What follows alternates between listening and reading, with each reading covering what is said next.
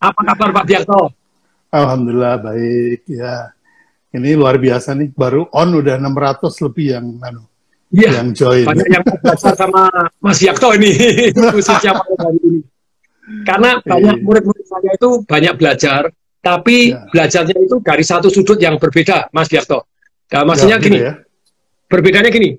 Jadi di buku Marketing Revolution saya itu saya bahas bahwa ada dua aliran. Satu itu adalah aliran branding, awareness supaya orang tahu, institutional marketing. Yang kemudian yang kedua adalah aliran penawaran. Show me the money. Nah, Hmm. saya kan lebih ke jalanan show me the money, tapi banyak orang salah.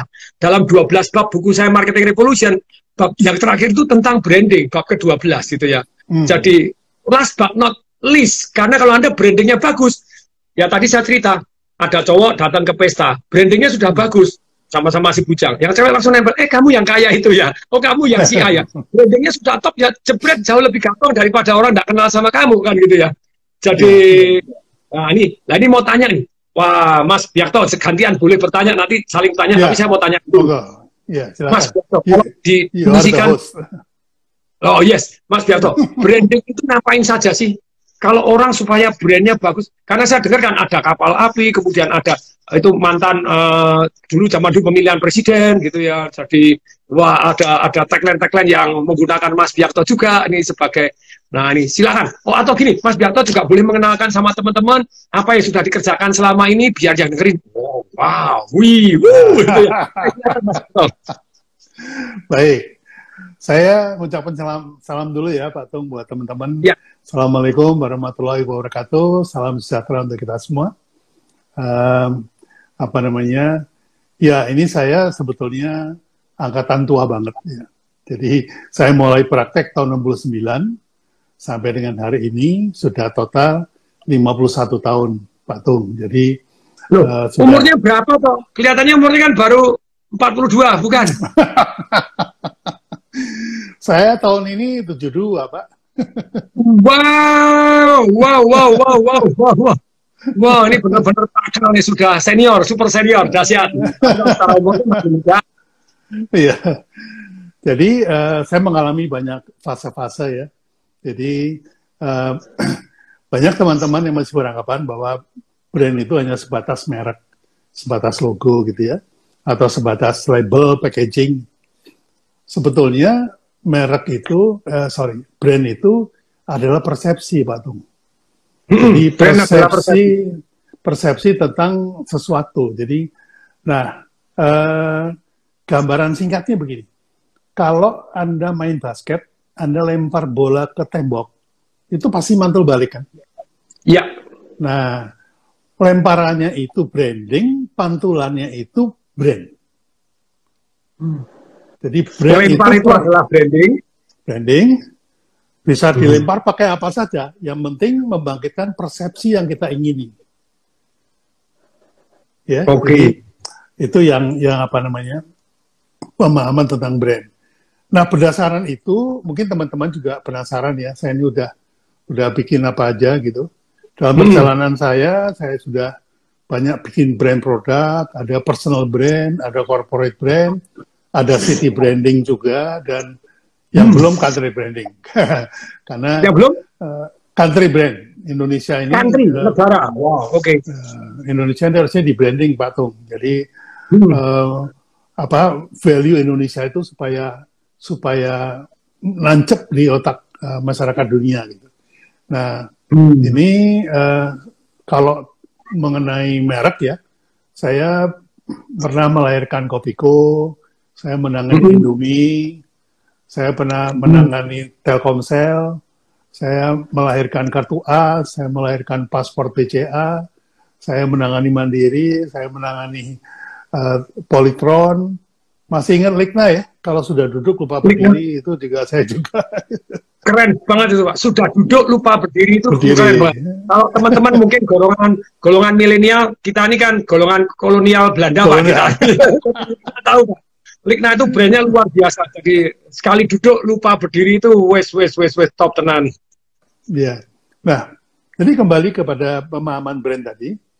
Jadi saya mulai tahun 2014 saya berhenti melayani korporat.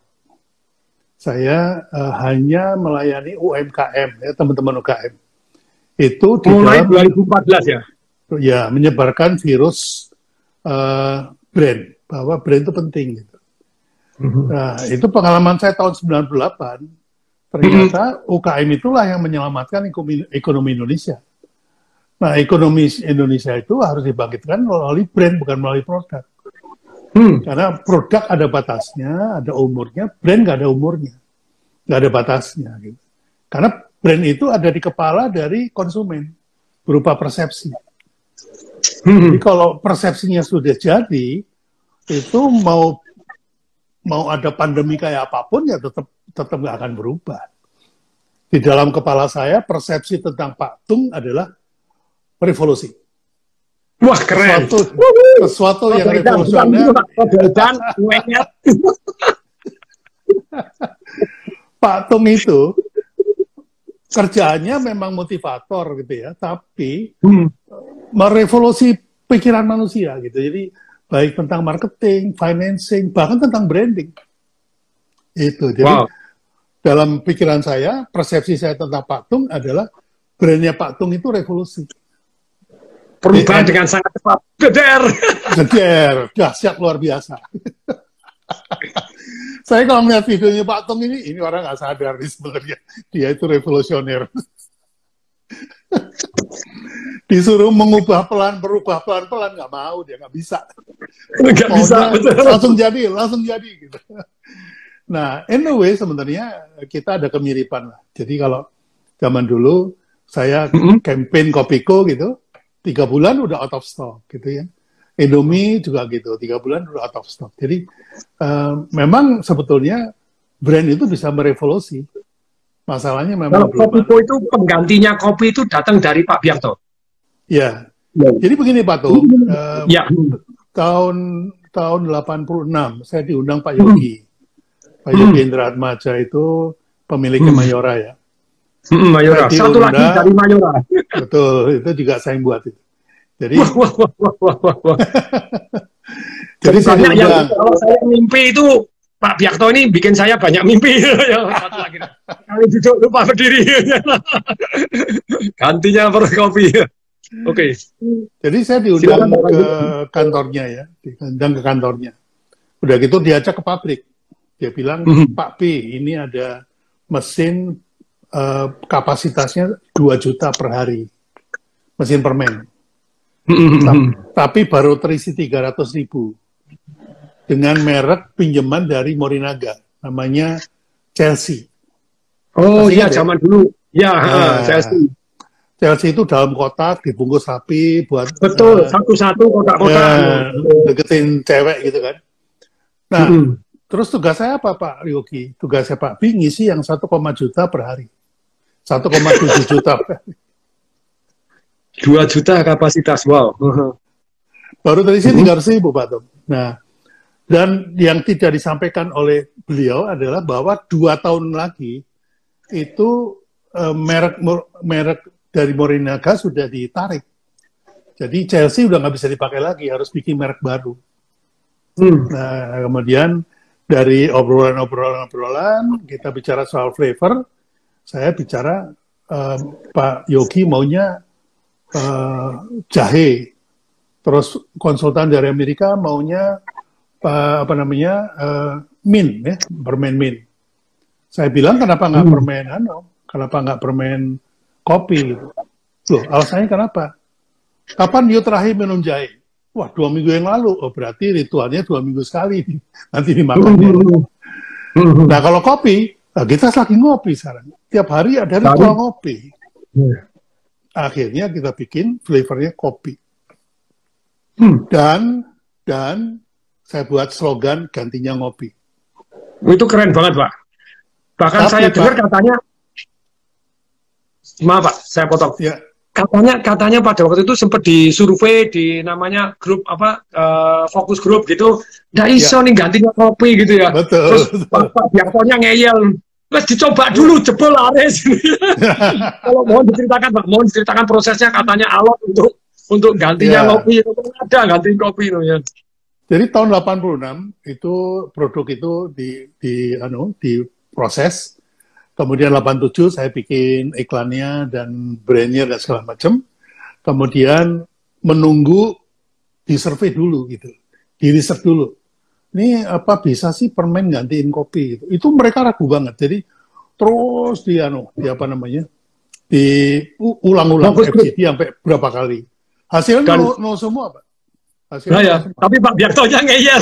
iya. Saya cuma bilang gini sama Pak Yogi, you percaya nggak sama you punya produk? Kalau saya percaya. You percaya nggak sama saya punya slogan? Kalau saya percaya, saya bilang gitu.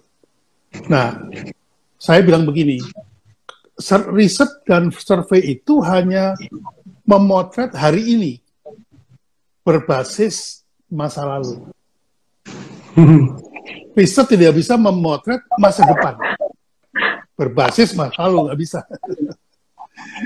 Ini kan uh, sesuatu yang baru, yang ino, hasil inovasi yang mau dikampin. Kenapa mesti tanya ke masa lalu? Nggak ada zaman dulu. Gitu. Jadi uh, kok, uh, permen nggak bisa gantiin kopi karena nggak ada sensasinya nggak ada hangatnya, nggak ada aromanya, nggak ada semua, Pak. iya, kalau ngopi kan baunya dulu.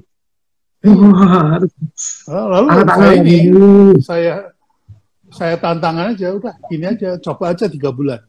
Kalau tiga bulan nggak laku, stop kampanyenya, saya jangan dibayar.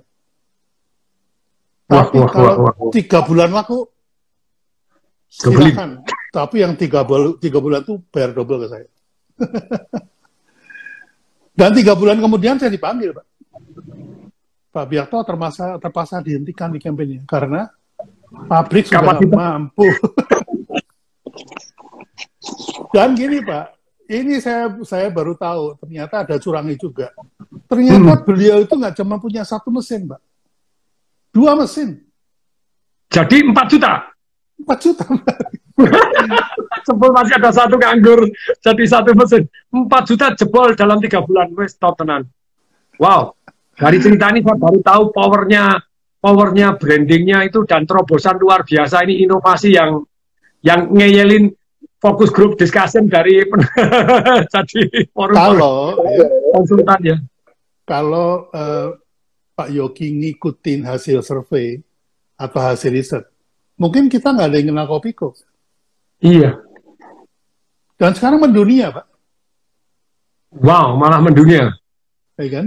Nah, itu hmm. konsepnya itu tadi. Jadi teman-teman harus tahu bahwa branding itu adalah membangun persepsi di dalam benak konsumen.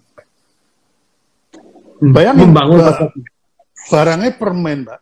Tapi dipersepsi hmm. sebagai kopi loh, Pak. Hmm. Barangnya permen, kan?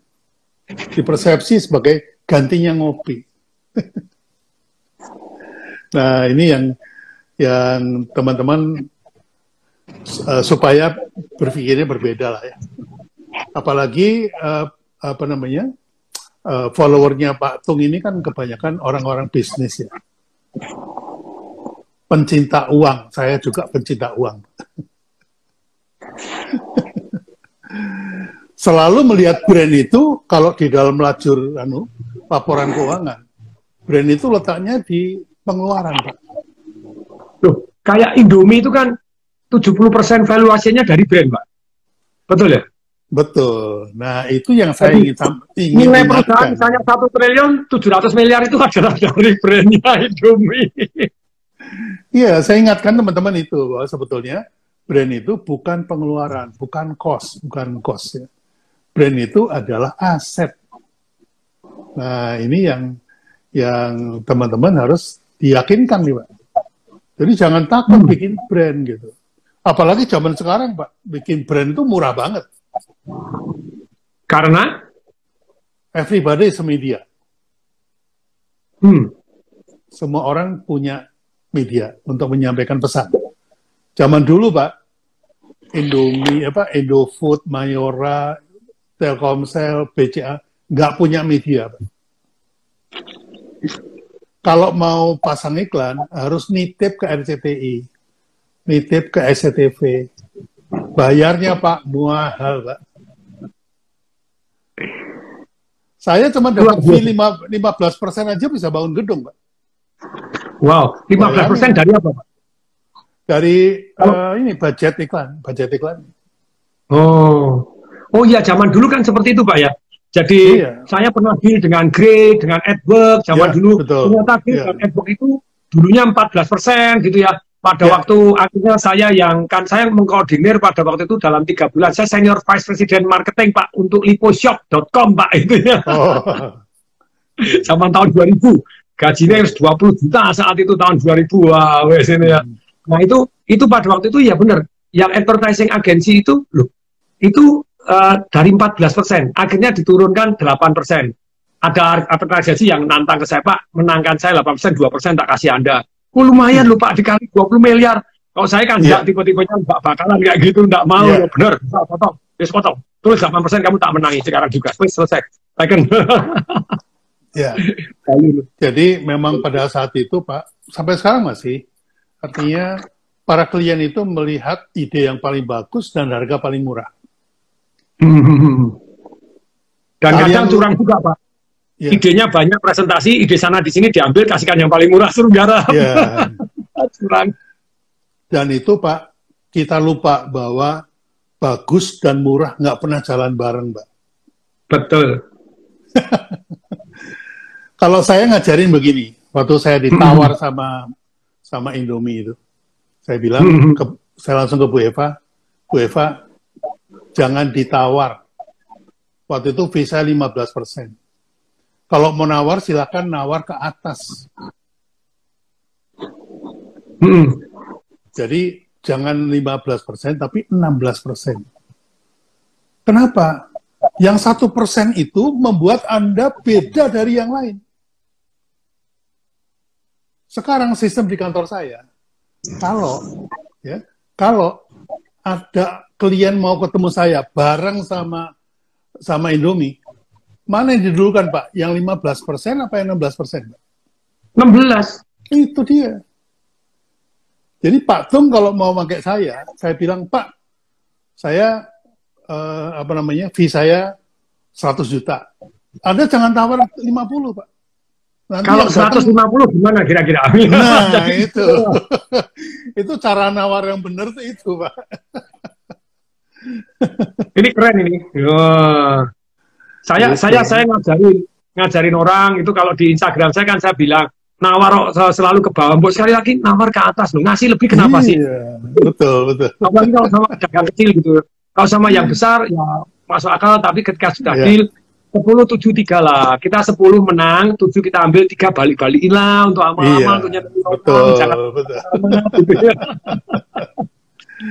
Begitu Pak Dong. Jadi teman-temannya harus ingatkan bahwa brand itu itu mempunyai value yang luar biasa. Jadi yang namanya Gojek, Pak, Gojek itu produknya hmm. apa sih, Pak? Produknya hmm. nggak hmm. ada, Pak. Produk itu aplikasi yang ada di tempat Anda itu. Hmm. Aplikasi yang ada di handphone Anda itu produknya. Kalau motornya motor orang lain, yang kerja orang lain, yang komisi. Komisinya 20 persen lagi. Ya, kan? Kalau Pak Biakto, selama ini pengalaman yang paling menarik dalam mengelola uh, brand itu ya, mengembangkan brand itu selain selain dari dari dari Kopiko tadi ya, dari tidak ada mendadak jadi dalam tiga bulan omset 4 juta per men gitu ya per hari itu Rodo Edian terus stop eh dan top top Terus kemudian ada apa lagi? Kan nangani banyak sekali Indomie, Telkomsel, paspor BCA, Politron, Ligna sekali duduk lupa berdiri wah itu yeah. luar biasa kopiku iya. gantinya kopi. Waduh. Wah, wah, wah, salah salah satu yang saya juga kaget itu paspor BCA pak. Paspor BCA paspor wah BCA, ini iya. kantor saya yang dulu pak ini. Pada waktu itu saya zaman oh, paspor BCA pak. Apa yang terjadi pak? Zamannya Berry Lesmana ingat pak? Betul. Pak Berry itu punya murid pak. Seluruh BCA muridnya cuma satu pak. Tung Desemwaringin Oh gitu. Jadi beliau punya punya murid banyak. Jadi direktur-direktur di bank-bank lain, tapi yang resmi disuruh ngajar cuma saya. Jadi saya punya surat bahwa dia guru saya. Orang yang mengenalkan saya tadi Pak, positioning. Perang itu bukan di sini, tapi perang itu di sini. Always and Jack Trot. Nah, itu uh, marketing warfare gitu ya terus kemudian yeah. dan horse sense lah itu itu buku-buku dari Pak Berry Silakan, Pak. Ya, jadi zaman ini. Bak, bak, bahkan Ares mengatakan bahwa um, marketing is not a battle of product. Marketing is a battle of perception. Nah, itu yang saya pegang dari tahun berapa itu? Tujuh bulan ya, Patung ya? Mm, ya. Jadi, kita harus membangun persepsi. Jadi, pada waktu itu saya duduk bertiga nih, saya Pak Beri Lesmana, Pak TH Wiriawan tuh. Ya, teman lama juga, senior senior. Ya, Hmm. Kita mau bikin ini nih Pak, mau bikin debit card. Jadi hmm. bilangnya debit card. Jadi hmm. bisa mendebit uang dari kartu ini. Hmm. Waktu itu belum kebayang mesin mesin ATM belum ada, terus kemudian hmm. apa namanya mesin uh, eh, FDC-nya juga belum ada ya. Jadi saya juga nggak kebayang ya apa nih. Pokoknya bikin kartu Pak, uh, uh, nanti ada bisa untuk ngambil uang, bisa untuk uh, ini, bisa untuk ini gitu. Terus saya buatin aja. Terus konsepnya adalah kenapa paspor dikasih nama paspor? Karena BCA is a different planet. BCA itu negara sendiri. Kalau you mau masuk ke BCA, you harus pegang paspor. Itu yang Pak Beri langsung setuju tuh. Langsung saya buat. Terus saya kasih gambar pelangi, Pak, pemandangan pelangi gitu. Kuning hijau. Kuning hijau. Ya, ya, ya. Hmm, saya that's my saya... that's my hand drawing. Saya gambar pakai tangan. Wow. Ya. Jadi yang waktu itu tuh gini, itu... bagi semua semua bilang itu kartu ATM, kartu ATM, kartu ATM, mendadak terus kemudian BCA mengeluarkan sendiri paspor BCA. Totally a new branding yang berbeda dengan orang lain. Oh, ternyata di balik layar ini Bapak Tiarto yang dahsyat luar biasa. Saya penikmatnya, penikmat paspor BCA. Waktu itu belum ada belum ada mesin ATM pak. Hmm, baru kartu masih, untuk debit aja, kartu tanda aja di untuk debit, counter. Ya, di counter. Hmm. Kemudian uh, waktu milih, anu, milih eh, mesin F, FDC, ya ada yang warna merah, ada yang warna uh, kuning, ada warna hijau segala macam. Hmm. Saya bilang ah, warna warna hitam. Saya bilang kenapa nggak warna anu warna biru? Dan birunya warna biru yang ini yang sekarang dipakai itu. Biru BCA, iya. Wow. Karena itu warna-warnanya. Iya. Mm -hmm. Jadi itu menjadi menjadi uh, corporate color ya dari BCA. Kayak merah Ferrari ini birunya biru BCA, keren sekali. BCA. oh, melahirkan paspor. Pada waktu itu pakai pakai advertising agensi namanya apa Pak Pak, Pak Biakto? Dulu namanya Hotline, Pak. Namanya Hotline. Nah, hotline. Kalau sekarang? Sekarang pakai The Brand. The pakai DE atau THE? D, B langsung B. D, D brand. Ya. brand. Nah, saya dengar Pak dulu pernah nanganin uh, presiden Pak.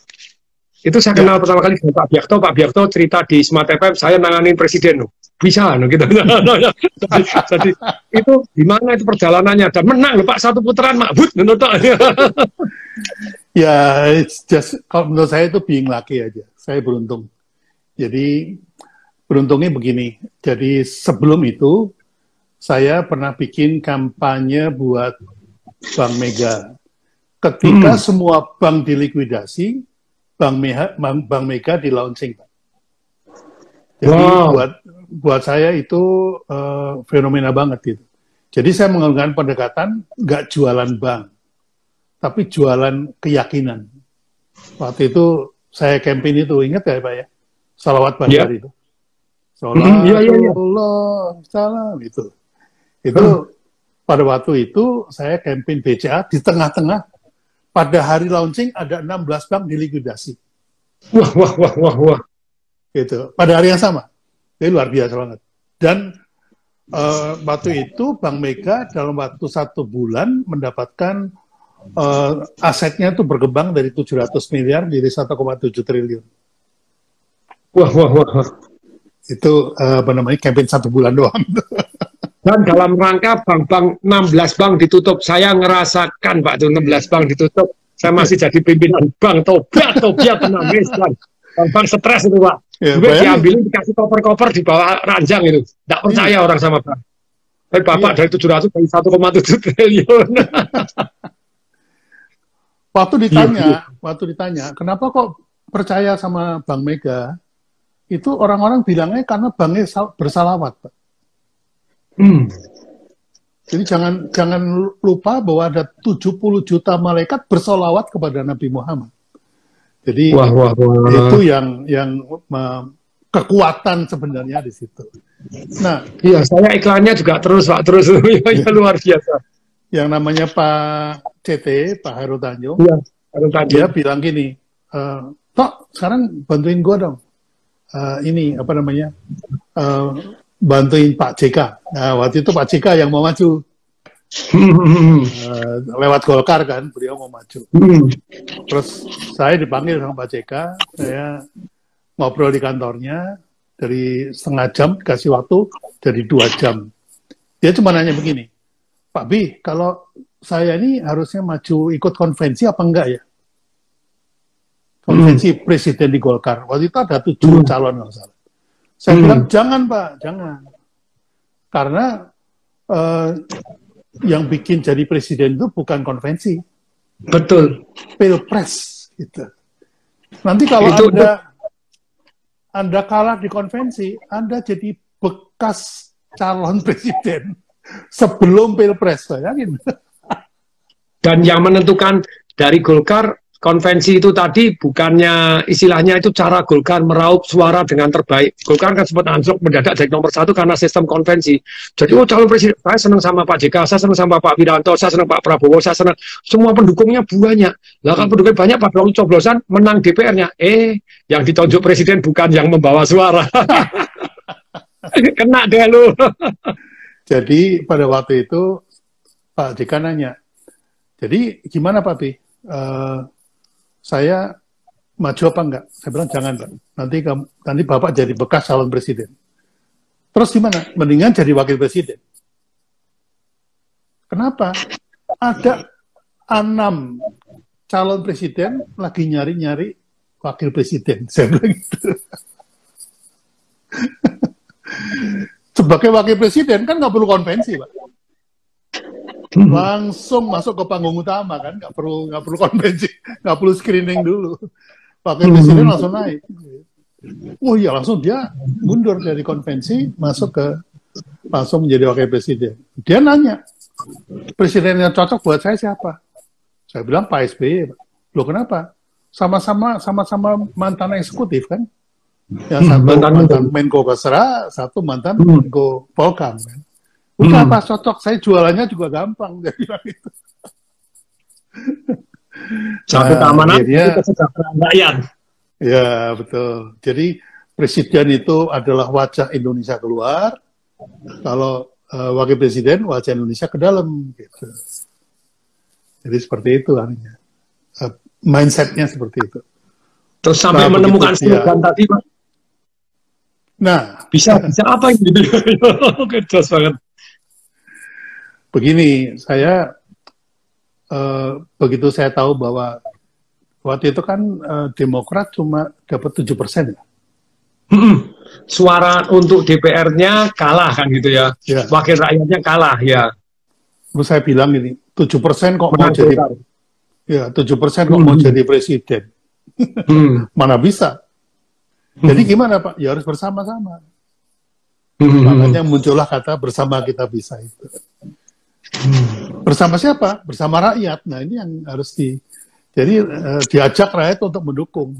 Nah di situ sebetulnya uh, pakai filosofi Jawa lah gitu. Ada ngewongke, terus kemudian menang tahun pangasorake ya gitu gitu lah. Itu luar biasa pak. Jadi sampai sampai pada waktu tahun 2008 sebelum pemilihan berikutnya itu kan saya sempat diundang di rumahnya Pak SBY begitu ya. Terus yeah. kemudian saya cerita sedikit banyak sama. Jadi terus kemudian Pak SBY bilang kirim bukunya ke saya. No, no. Hmm. waktu itu kan saya usul usul ada tiga. Satu pengampunan pajaknya itu harus ada. Ternyata sudah diampuni dengan sunset policy itu lebih murah lagi gitu ya. Yeah. jadi itu luar biasa. Berani salah makanya ada. Benar.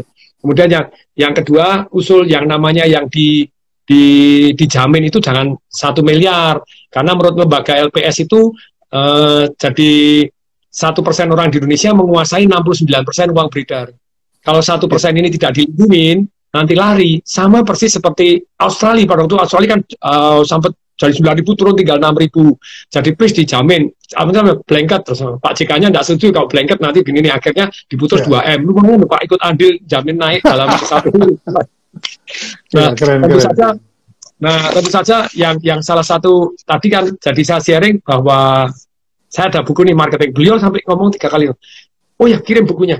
Terus pada waktu dia ngasih sambutan uh, usulan-usulan saya tidak semudah itu begini-begini, oke okay, kirim bukunya. Pada waktu salaman kirim buku, saya kirim, kirim langsung dikasih testimoni pak. Sama Pak SBY ini. Paling atas ini paling atas. Dikasih surat surat kepresidenan. Bahkan buku saya yang terbaru ini saya minta beliaunya minta beliaunya eh uh, minta testimoni langsung dikasih kata pengantar sama Pak SBY. Beliau sangat ramah, sangat begini. Iya betul. Luar biasa. Silakan jadi, Pak cerita Pak. Kita bagaimana eh, jadi bersama kita bisa itu terus kemudian akhirnya memenangkan itu seperti apa Pak? Ya itu uh, ada tahap-tahapannya ya. Pada waktu itu hmm. yang saya yang saya kenal zaman saya itu uh, kampanye pemenangan itu satu bulan. Uh, saya bagi tiga. Yang pertama di dekat itu si ayah.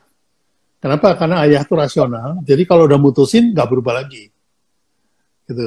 Mm-hmm. Nah, kemudian kalau yang kedua itu si ibu, karena ibu mm-hmm. itu emosional dan bagaimana caranya si ibu ini nggak nggak mau ikut suami ini, pokoknya dia mau punya pilihan sendiri. Waktu itu kita mm-hmm. pakai presiden ganteng itu. Kemudian mm-hmm. Pemilih pemula, ya. pemilih pemula itu dia sampai masuk ke TPS saja masih nanya temennya, eh gue milih apa nih? Gitu. Nah itu kita kita bikinin campaign semua gitu ya. Terus kemudian hmm. ada beberapa personal brand yang kita buat selama enam bulan. Itu kalau nggak salah waktu itu bulan April ya. Bulan April hmm. Juli pemilihan, jadi nggak sampai nggak sampai enam bulan. Nah itu kita bikinin hmm. uh, apa namanya vibe-nya itu pemimpin yang ditunggu-tunggu orang lah, itu kira-kira. Nah itu semua kemudian, nah yang menarik itu waktu presentasi. Hmm, seperti apa, Pak? Waktu presentasi itu, uh, saya nggak tahu kalau yang diundang itu banyak agensi gitu ya. Karena diem-dieman lah, hmm. mereka nggak bilang-bilang. Terus kemudian hmm. saya dipanggil masuk ke ruangan, uh, di dalam itu ada lebih dari 20 orang pengurus Demokrat, pengurus teras Golkar, Pak SPCK, terus Pak Heru Tanjung, Pak uh, uh, siapa itu adik iparnya Pak JK. Nah, terus kemudian karena ruangannya kecil, jadi saya hanya boleh masuk dua orang. Padahal saya satu tim, Mbak. Wah, langsung saya masuk berdua aja. Terus kemudian waktu saya disuruh buka presentasi, saya udah langsung, anu, saya udah langsung potong nih, Pak. Jadi Pak SBY, talking about politics, you do the talking, I do the listening. But talking about branding. Ulangi Pak, ulangi Pak, kata-katanya Pak, tolong diulangi Pak. Gimana Pak? Ya, jadi uh, Pak SBY, mm -hmm. talking about politics, you do the talking, I do the listening. Hmm. But talking about brand, I do the talking, you do the listening. Hmm. Supaya cepat Pak. Jadi nggak di nggak diajarin apa namanya oh harus saya maunya begini begini jangan begitulah udah gitu beda kapling jadi kalau urusan branding ya sudah ya, Pak SBY dengerin aja saya yang ya. tak sing ngomong gitu cocok cocok cocok dahsyat yes oke okay. ya itu lalu, itu uh, Ya lo bang kita presentasi. Habis, ya Pak. Campaign habis berapa Pak? Yang lewat saya aja 60 M tuh. itu 60 M itu dalam pembagiannya TV berapa, ini berapa? Oh ya, ada itu semuanya production, kemudian TV, kemudian survey, kemudian nah, embedded embedded team. Embedded team itu maksudnya apa? Jadi Pak SB didampingi satu orang, yang dari pagi sudah di brief hari ini ketemu ini bajunya apa ngomongnya apa terus uh, ngomong 15 menit, salaman 45 menit gitu. Atau wow. ngomong 45 menit, wow. salaman 15 menit gitu. Oh, nah kalau sarannya sebenarnya apa Pak? Ngomongnya lebih banyak atau salamannya yang banyak? Tergantung uh, audiensnya Pak. Contohnya kalau audiens ini lebih baik, salamannya lebih banyak. Itu seperti apa ini? Kalau audiensnya ibu-ibu apa namanya uh, majelis taklim, itu uh, apa namanya ngomongnya sedikit aja, tapi salamannya yang banyak gitu. Dipeluk-peluk. Kalau sama anu sama Hipmi sama Kadin itu ngomongnya yang banyak, salamannya sedikit aja. Hmm, segitu detailnya strateginya, Pak. Wow. Ya. Memang seorang master itu ahli sampai detailnya. Ini luar biasa sekali.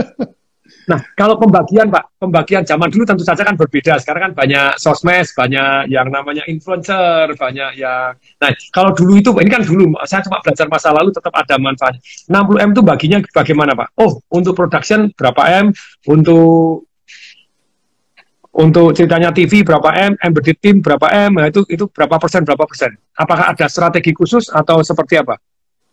Saya sudah agak lupa ya, karena itu dua putaran ya, dua putaran. Ya. Jadi putaran pertama, kemudian di putaran kedua itu hanya tiga hari kampanye itu.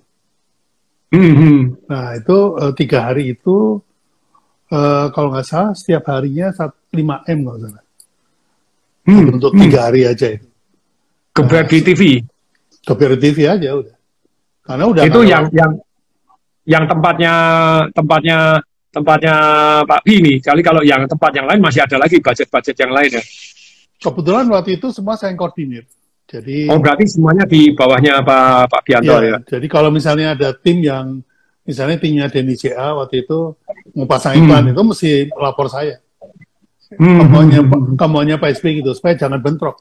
Karena pada hari terakhir itu ada tiga agensi yang uh, dari agensinya Pak SBY itu hmm. mau pasang satu halaman di Kompas bareng-bareng. Hmm. Bahkan rebutan itu. Jadi hmm. akhirnya hmm. ya udah koordinasi deh gitu. Akhirnya materinya disesuaikan gitu. Supaya kalau enggak kan satu ngomong apa, satu ngomong apa gitu. Ya. Terus itu kan gini Pak, pernah lama pada waktu itu yang yang yang satu putaran doang, Pak. Yang menang satu putaran. Yang kedua, yang kedua kan menang satu putaran 60 sekian persen, Pak. Wah, itu tertinggi sepanjang sejarah loh itu, Pak, gitu ya. Jadi Pak Jokowi pun tidak menang segitu loh pada putaran kedua. putaran kedua mantap sekali. Pada waktu itu kan sempat beliaunya itu kan jarang jawab kalau ditanya terus satu hari bisa pasang kur eh kok di Kompas itu berapa? Tujuh halaman atau delapan halaman pun? SBY menjawab wah jawab ini jawab. Terus membandingkan presiden sebelum presiden sesudah. Zaman Pak SBY yang namanya apa itu? Eh, dana apa itu yang disebutkan misalnya dana pendidikan janjinya 20%, realisasinya berapa? Zaman dulu tidak ada BLT, bantuan langsung tunai. Kalau dalam bahasa bahasa marketing kan sogok nasional. Bisa ngomong gitu. Tapi ya ini kan bahasa marketing sama, sama bahasa bantuan langsung kan beda gitu ya. Yeah, yeah. Kayak Pak Jokowi oh, sertifikat oh, 5 juta, 5 berapa sertifikat, terus kemudian apa ya sebetulnya ya memang haknya rakyat, tapi itu ya menyenangkan sekali tuh untuk rakyat tak punya sertifikat, yeah, yeah, punya yeah. sertifikat. Tidak dapat duit, dapat duit ya happy lah, masuk tidak nyoblos lagi. Terus bensin sempat turun, walaupun waktu naikin pusing-pusing gitu ya. oh, Cak Jokowi ini tidak peduli, naik turun, naik turun, masa bodoh, lama-lama orang kebal. dulu mau naik, waduh perang. Terus untuk yeah. pendidikan, dibayarin. Nah itu itu konsepnya seperti apa Pak? Bandingkan dengan presiden sebelumnya. itu putaran ke, uh, yang 2009 itu sudah bukan saya. Oh, bulan-bulan. Itu dengan oh, jadi pada waktu Oh, yang pada waktu aja. itu yang pertama itu yang paling berat karena terpilihnya cuma tujuh persen partainya, tapi presidennya bisa menang bersama kita bisa. Iya itu. Yes yes. Saya memang yang ikut itu yang ke kedua pak, yang yang kedua nih. Jadi sampai sukanya oh. dahsyat juga pak. Jadi yang kedua cuman ya waktu buku makanya ini dapat dapat dapat testimoni yang membuat jadi menteri ini pak. Ini ini, ini dapat dapat testimoni ini dari Pak SBY ini Jakarta begini 2008 Pak 2008 2009 marketing revolution jadi ya. konsep yeah. dan itu gagasan yang saudara tampilkan dalam buku ini layak dipahami oleh siapa pun yang ingin berhasil semoga Tuhan Yang Maha Esa memberikan kekuatan nah ini Presiden Republik Indonesia wah hmm. tapi gara-gara buku ini katanya Pak Katanya saya tidak jadi menteri gara-gara buku ini, Pak. Dianggap anteknya Pak Katanya isunya, Pak. jadi isunya gitu ya. Jadi jadi inilah. Nah, kalau pernah nanganin apa lagi, Pak, yang menarik? Yang menarik Indomie ya. Indomie gimana Pak ceritanya? Nih belajar nih teman-teman belajar. Sejarah loh nih Pak, Indomie. Jadi Indomie itu saya megang empat-empatnya ya. Empat produk itu saya pegang semua. Jadi ada Indomie, ada Super Mie, ada Sari Mie, sama ada Pop Mie. Nah, ini kan produk, secara produk sama ini. Yang beda, hmm. kalau Pop Mie kan mie seduh. Ya, hmm. mie seduh. Yang tiga ini kan sama. Hmm. Nah, bagaimana ini bisa dipandang beda. Hmm. Kalau kita buat uh, apa namanya DNA-nya kita kita bedakan. Kalau Indomie itu Indonesiana, DNA-nya Indonesiana, bumbunya harus bumbu Indonesia. Sementara Supermi itu ASEANA. Jadi tom yum, kemudian sukiyaki, kemudian uh, apa namanya ramen itu boleh masuk ke Supermi. Tapi nggak boleh masuk ke Indomie. Indomie itu hanya hanya cita rasa Indonesia. Kalau hmm. sarimi itu apa saja yang penting gede. Mau double, Contohnya? mau mau double ininya, uh, ukurannya double, satu setengah kali. Kalau Indomie itu kan 60 gram. Hmm. Sementara kalau sarimi itu 90 gram. Hmm, khusus untuk orang yang satu tidak kenyang, dua kebanyakan. pokoknya gede. Iya, pokoknya gede. Apa aja? Nah, kalau pop mie karena praktis itu untuk uh, apa namanya uh, perjalanan. Orang dalam perjalanan tinggal tuang air panas udah jadi batang. Hmm. Nah, rahasianya di situ, Pak. Nah, karena Indomie ini adalah uh, Indonesiana, maka saya sarankan untuk menggunakan subculture uh, strategi di mana setiap uh, suku itu mencintai Indomie. Karena apa? Karena menunya diangkat. Waktu hmm. itu kita pilih yang namanya soto. Karena hmm. soto itu dari Sabang sampai Merauke ada. Hmm. Gitu. Nah, sebetulnya yang paling paling lengkap itu sambal. Kalau sambal itu pasti ada. Hmm. Soto itu ada beberapa provinsi yang nggak punya. Kalau rawon itu cuma di Surabaya. Jadi kita pilih soto. Nah waktu itu soto kita buat soto Aceh, soto Padang, soto Medan, dan hanya beredar di situ, Pak. Soto Aceh hanya dari Aceh, soto Manado hanya dari Manado, soto hmm. Palembang hanya dari Palembang. Tujuannya apa? Bukan omset, Pak tujuannya itu membangun ikatan emosi sama suku yang bersangkutan. Sama daerah bersangkutan. Ada 42 rasa itu. Wah, wah, wah, wah, wah. develop sama-sama sama almarhum Bu Nunu itu ya, barusan wafat. Jadi, hmm. akhirnya kita buat tuh. Nah, target utamanya sebetulnya goalnya itu adalah ingat Indomie, ingat Indonesia. Hmm. Itu. Dan itu Indomie itu saya ke Alaska Pak, ke Ketchikan, ke Juno, ke mana ada Pak? Sampai ke Jordan Pak, ada Pak Indomie. Sampai seluruh dunia, pelosok-pelosok yang setahun cuma buka tiga bulan daerahnya. Juno yang yang yang di hmm. Alaska kapal. Jadi cuma musim panas saja, musim dingin nggak bisa didaratin karena membeku semua gitu ya. Yeah. Itu tiga bulan ada. Indo, datang di, di di supermarketnya, ya Indomie keren apa ini. itu Pak, Ya. Uh, Indomie itu jangan kata produknya, Pak. Itu bungkusnya di tempat sampah aja bikin bangga, Pak. ya kalau di daerah-daerah pergi ke... ya, kayak misalnya kalau kita ke Mekah itu musim haji gitu. Kita hmm. lihat tempat sampah itu ada bungkus Indomie, wah kita tuh bangga banget itu. Wih, sampai sini itu. Ada yang bilang beli saham Indo Indo Indo Indo Food betul. Indo Food lagi sahamnya menurut saya very lumayan lah masa diskonnya jadi rasionya nggak tinggi. Ya, tapi kembali lagi Pak, jadi kalau boleh belajar Pak, buku apa yang disarankan Pak Biakto untuk belajar tentang branding, tentang ilmu ini? Buku apa? Buku yang evergreen Pak ya, itu positioning itu oh. Arise Jack Trot itu pasti itu harus. Arise Jack Trot itu my first book in English Pak. Saya bacanya keribu keriting karena saya bukan tidak pernah les bahasa Inggris sampai selesai, tidak pernah lulusan luar negeri, dikasih Pak itu, jadi Pak Beri, saya bilang, Pak Beri, saya kepengen punya pengetahuan seperti Pak Beri, buku apa pertama yang dikasih, positioning yeah. Pak. Walaupun bukunya tipis, saya ibrit Pak, seminggu baru selesai beli kamus, baca keribu keriting, saya rangkum. Kemudian Pak sudah selesai, buku apa lagi? Kasih dua, Oris and Jack Trotting, Marketing Warfare, Horsen, Modal, Modal. Besok selesai, kasih empat lagi sama Pak Beri, terus mana? Ya, positioning. memang tukang baca dia. Ya. Kemudian ini uh, teman-teman. Ya. Martino Meyer, brand gap. Nah, sebentar. Martino Meyer. Bukunya Marti No Meyer. Lumayer, saya belum tahu nih Pak. Marti Lumayer. No Marti Lumayer gitu. penulis atau? Itu anu uh, apa namanya pem, uh, pembuat desain logo. Oh, Marti Lumayer, M A R T I M A R T Y MRTY? NU November United. November United. Iya, Mayor. M I Mayor. E ya. M I E Y R. Y R ya. M I E. Ini nama buku, nama penulis ya, nama nama penulis. Kalau ya, bukunya penulis judulnya, ya. Brand Gap. Judulnya apa bukunya? Brand judulnya Gap. apa, Pak? Brand, Brand Gap. Brand Gap.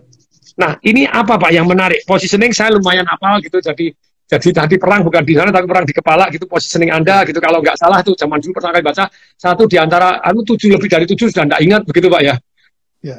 Jadi uh, nah, Martin kalau, Martino Meyer mengatakan bahwa brand is a gut feeling.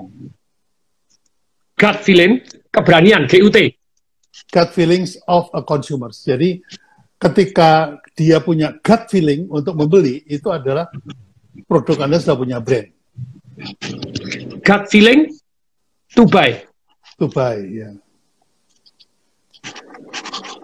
Terus kemudian apa yang menarik Pak dari brand gap ini? Supaya orang punya gut feeling untuk beli, harus ngapain? Nah, diajarin di situ. Jadi bagaimana menciptakan brand itu, bahwa brand adalah gut feeling. Salah satu pelajaran yang menarik apa Pak? Oh harus begini, harus begini, harus begini gitu ya. Uh, kebetulan begini, kalau saya buku yang saya baca tuntas itu hmm? cuma cuma Al Rice punya positioning itu. Oh, yang tuntas positioning ya. Kalau yang lain-lain quick reading aja. ya. Yes, positioning itu buku saya pertama juga Pak, belajar marketing. Yeah. Bukan bukan bukunya Pak Irman kata saya, saya koleksi juga bukunya Pak Irman, bukunya Pak Irman Kasali ya koleksi juga.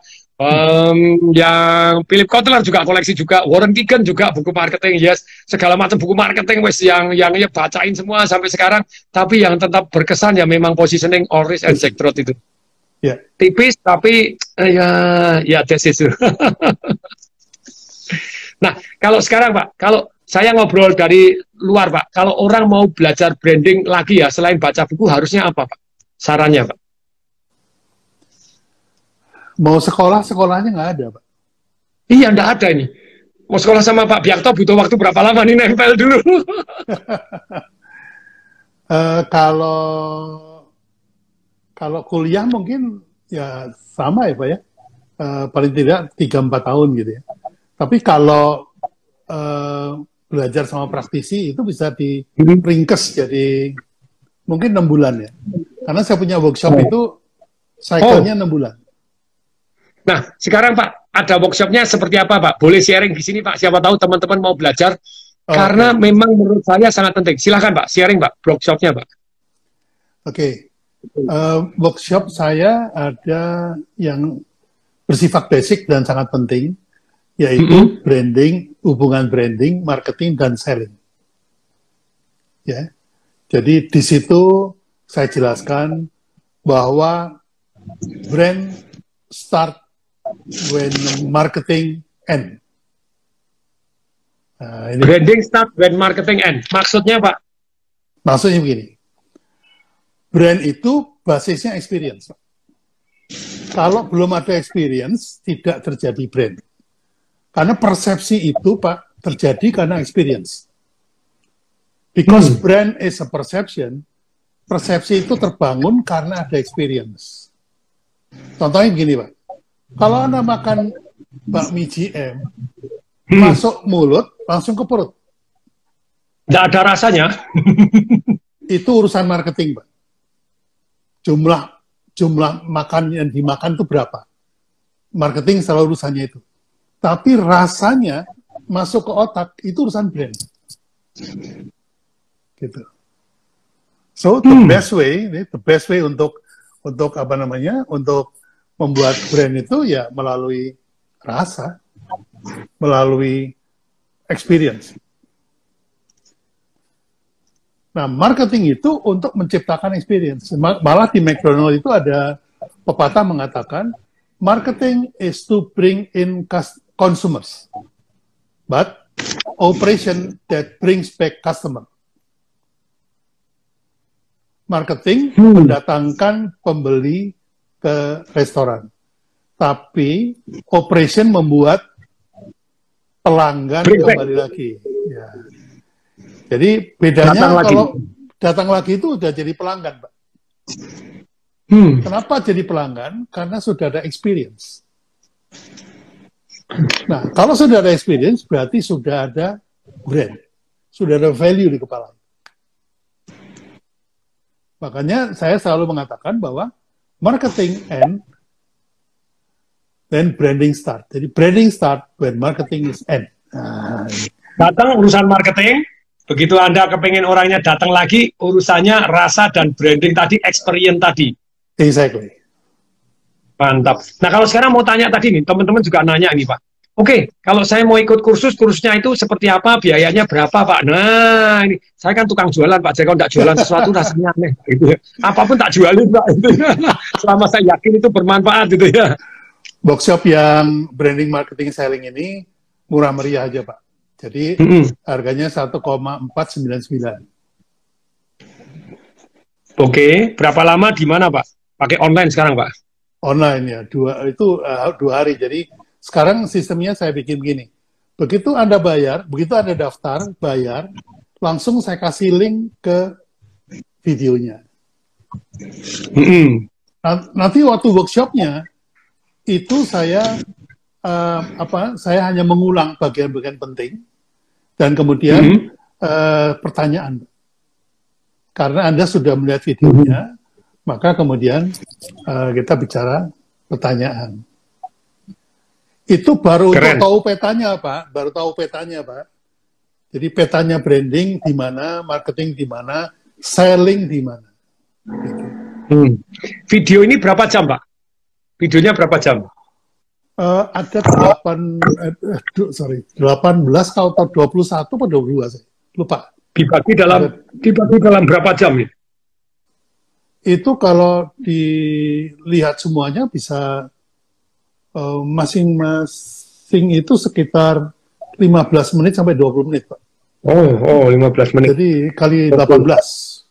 Kali Terus 20, kemudian ini langsung kasih link video, terus biasanya ketemunya kapan tuh Pak? Yang pakai Zoom boleh boleh ya. diulangin lagi yang poin-poin penting, terus kemudian di keren banget sistemnya. Oke, terus kemudian ya. boleh tanya jawab. Itu kapan Pak adanya? Uh, kita uh, adakan setiap dua bulan sekali kalau gitu, karena itu basic ya. Hmm. Dua bulan hmm. sekali, sebulan sekali itu. Itu tergantung kalau jumlahnya nah. udah 100 gitu, saya udah, udah bayangin Pak, kalau 100 orang nanya semua kan mati Pak. Betul Pak, betul. Nah, biasanya pertanyaannya begini Pak. Nah ini uh, kalau mau daftar nomor telepon berapa Pak? Atau linknya ada atau gimana? Di uh, linknya itu di anu Pak, di apa namanya? Di bio nomor saya telepon? ada, tapi tapi gini. Ah. HTTPS HTTPS, hmm? titik dua titik dua garis miring dua garis miring dua brandingmarketingselling.com. Sambung semua ya? Ya, sambung semua. Terus ditutup garis miring. Selling.com garis miring satu ya? Ya. Ya. Oke. Nah, sekarang ada pertanyaan yang menarik Pak dari dari pemirsa ini. Pak, pernah gagal nge-branding Pak? Oh, pernah Pak. Pernah. Seperti apa dan apa pelajarannya, Pak? Biasanya begini, uh, klien kan kadang-kadang malu ya kalau bilang bahwa produknya ada kekurangan tuh malu ya. Sehingga diumpetin. Begitu uh, melalui marketing communication, orang nyoba, nggak beli lagi, nah itu gagal brandnya, Pak. Langsung habis. Ya, langsung, Boleh sebut, Pak? Wah, Boleh jangan, sebut, Pak. jangan, jangan. Itu kan learning time. Ya, betul. Uh, ada banyak kok, saya lupa juga. Saya sudah lupa. Hmm. Hei, seorang pengakuan pakar itu biasanya percaya tidak. Jadi masalah itu timbul, tapi untuk supaya besok jauh lebih pintar, lebih hebat gitu ya. ya Jadi banyak orang nanya, Pak tuh bisnisnya berapa? Nuh, ada 31 sekarang. Nuh. Loh kok bisa? Ya karena saya sudah nutup, jual, ataupun geledain 25 perusahaan. Lama-lama pinter juga. ya, Dan mungkin ke depan masih ada beberapa perusahaan yang akan tak geledain atau saya tutup atau saya jual. Kalau kalau kalau saya learning prosesnya beda, Pak. Saya tidak belajar dari kegagalan. Saya, uh. saya selalu begitu saya kerja, yang saya pikir udah bagus banget tapi hmm. begitu jadi, saya melihat ada kekurangan. Hmm, terus? Next time, saya akan bikin lebih bagus. Next time, saya akan bikin lebih bagus. Itu mental hmm. yang saya pakai. Jadi, saya tidak menggunakan... Pun... Ya, ya, jadi uh, tidak pernah ada karya saya yang perfect. Hmm. Jadi, my, my, my, my best is the next one. Next. My best is the next. My, my best is the next. Oh keren banget. My best is the next. Keren. Makanya buku saya nggak jadi-jadi, Pak. Waduh, ini makanya ada usul Pak buat branding revolution gitu bareng Pak Bir. keren keren. Luar biasa.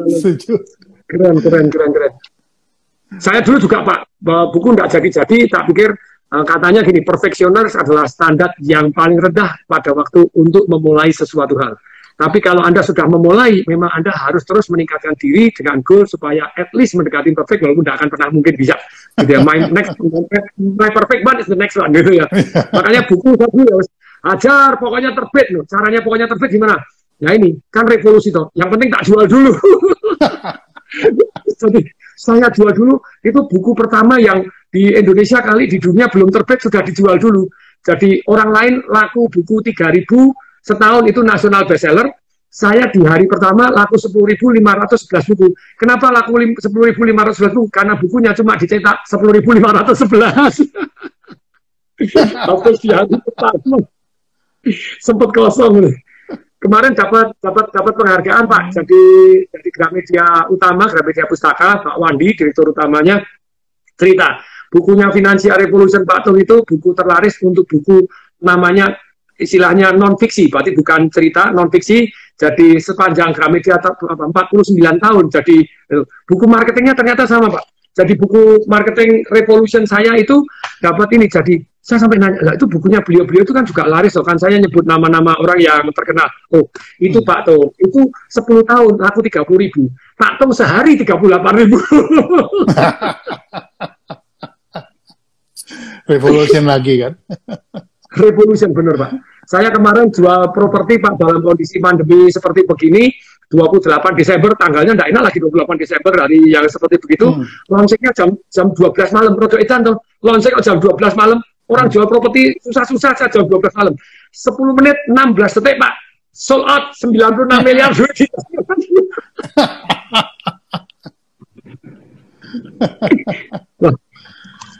Pak Matius nah. Kan, kenapa?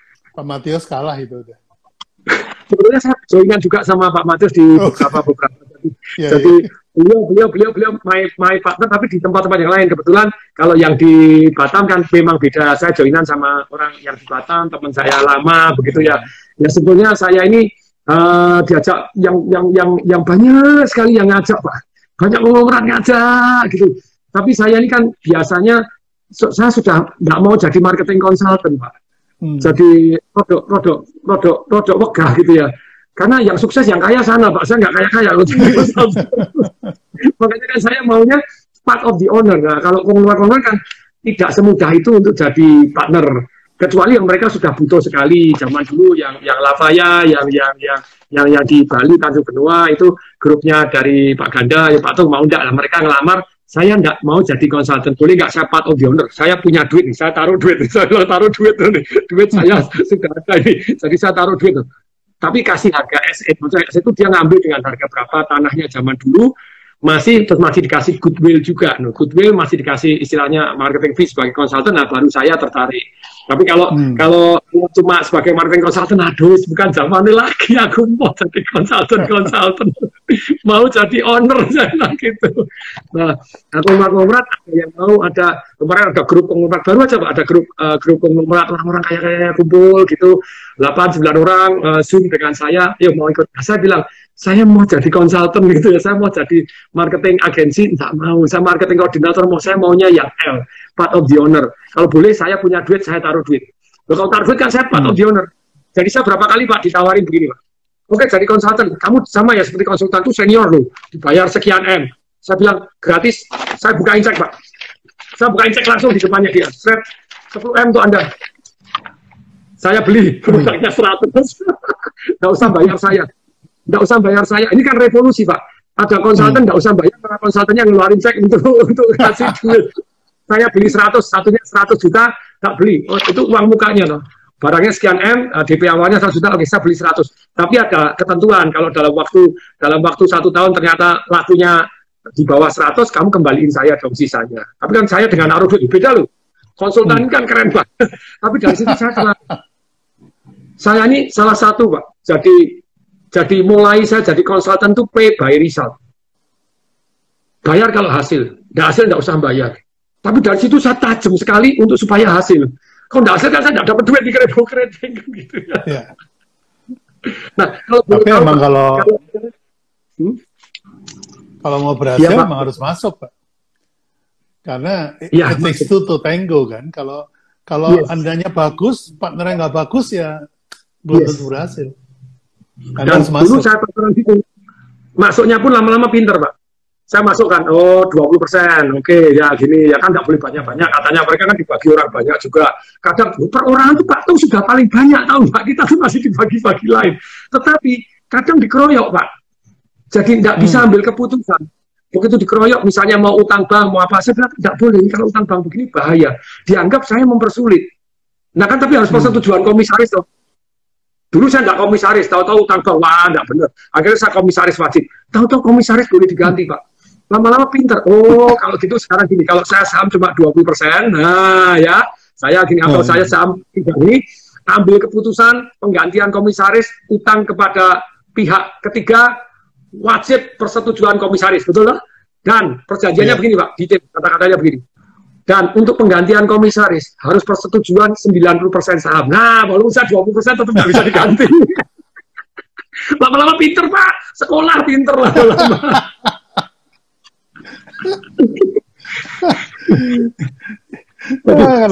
saking, saking banyaknya, saking banyaknya, dan mak makin lama makin tajam, makin tajam. Nah, ini tadi kan yang basic, Pak, itu kan dua hari. Terus kemudian berikutnya ada yang level berikutnya, Pak uh, untuk kursus branding terhadap Pak Piakto ini? Ya, jadi ya, uh, begini Pak Tung. Orang bikin brand itu kayak orang masak Pak Tung. Hmm. Orang masak itu harus menguasai tiga hal. Yang pertama, resepnya harus benar.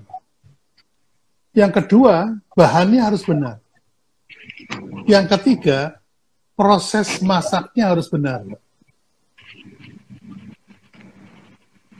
Nah, jadi pelajaran yang saya buat, eh, workshop yang saya buat itu meliputi tiga ini.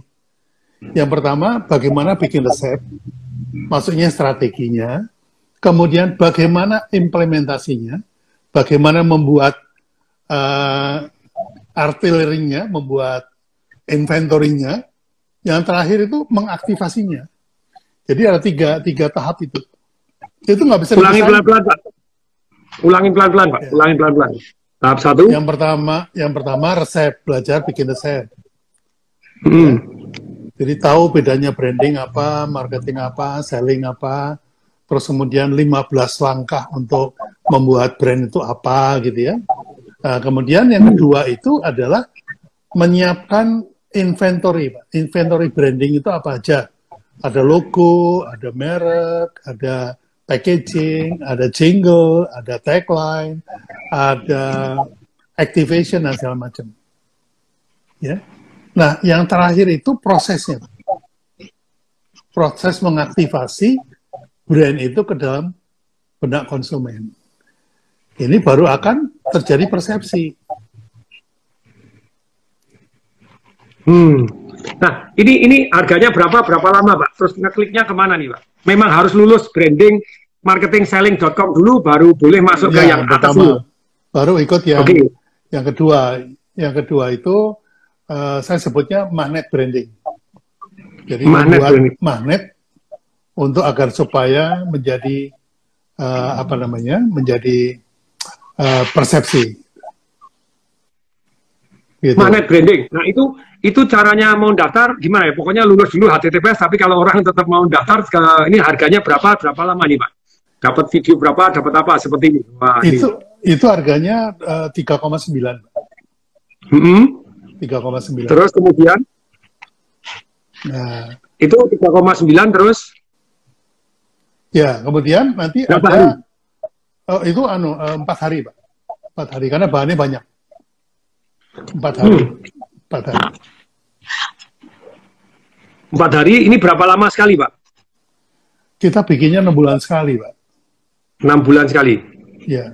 Okay. Jadi kalau teman-teman mau ikut, ya memang harus siap-siap. Hmm. kalau miss miss yang sekarang nunggu enam bulan, Pak. Oke. Okay. Terus kemudian jadi ini ada ada ada ada websitenya atau HTTPS-nya, Pak? Uh, yang itu belum saya buka, Pak. Oh belum ya? Belum, Wah. belum dibuka. Nanti nanti dibukanya uh, kalau udah siap, teman-teman yang sudah belajar branding, marketing, selling, biar saya nggak pusing, Pak. kalau nanti udah Jadi pas kan? masuk ke iya masuk ke bicara soal uh, copywriting, nanya soal branding, wah repot saya, Pak. Balik lagi, balik lagi ya. Lagi. Belum belum pinter basicnya, fondasinya belum kuat. Nah, Nah. Saya ini merasa Pak, seminar-seminar Bapak ini bayi murah Pak. oh gitu ya? saya ikut di Abraham Pak, J Abraham, marketing jeniusnya J Abraham. Beli bukunya aja 400 dolar Pak. Dapat hmm. buku Pak, kopian lagi. bukunya Pak, 400 dolar. Tapi dia luar biasa Pak, dari satu buku itu menghasilkan saya ratusan miliar Pak gitu ya, satu hmm. buku. banyak banyak orang investasi itu takut Pak banyak orang investasi itu takut. Jadi kalau saya investasi leher ke atas itu dengan senang hati. Ini bukunya J. Abraham gitu ya, marketing genius ini ini dan data ini fotokopian tadi kan bukan buku pak, ini fotokopian dijilid. nah, 400 dolar dalam dua hari laku 70 ribu buku pak, 28 hmm. juta Luar biasa. Saya ikut seminarnya, itu pertama kali kan bayar 3.500, kemudian dia back end ya. Back end itu jualan 25.000 US pak. Hmm. Saya ikut dua kali Pak, 25 ribu US untuk empat hari Pak. 25 ribu US. Lima hari, lima hari, lima hari. Weh Jan, jadi Bapak jualnya ke kelurahan. Tapi ya, sini Pak tak jualin, saya senang jualan. boleh, boleh kalau nanti uh, apa namanya kita meetingkan. yes, yes, dengan senang hati. Ya. Bahkan saya ini kan ngajar marketing revolution, Pak. Ngajar marketing revolution.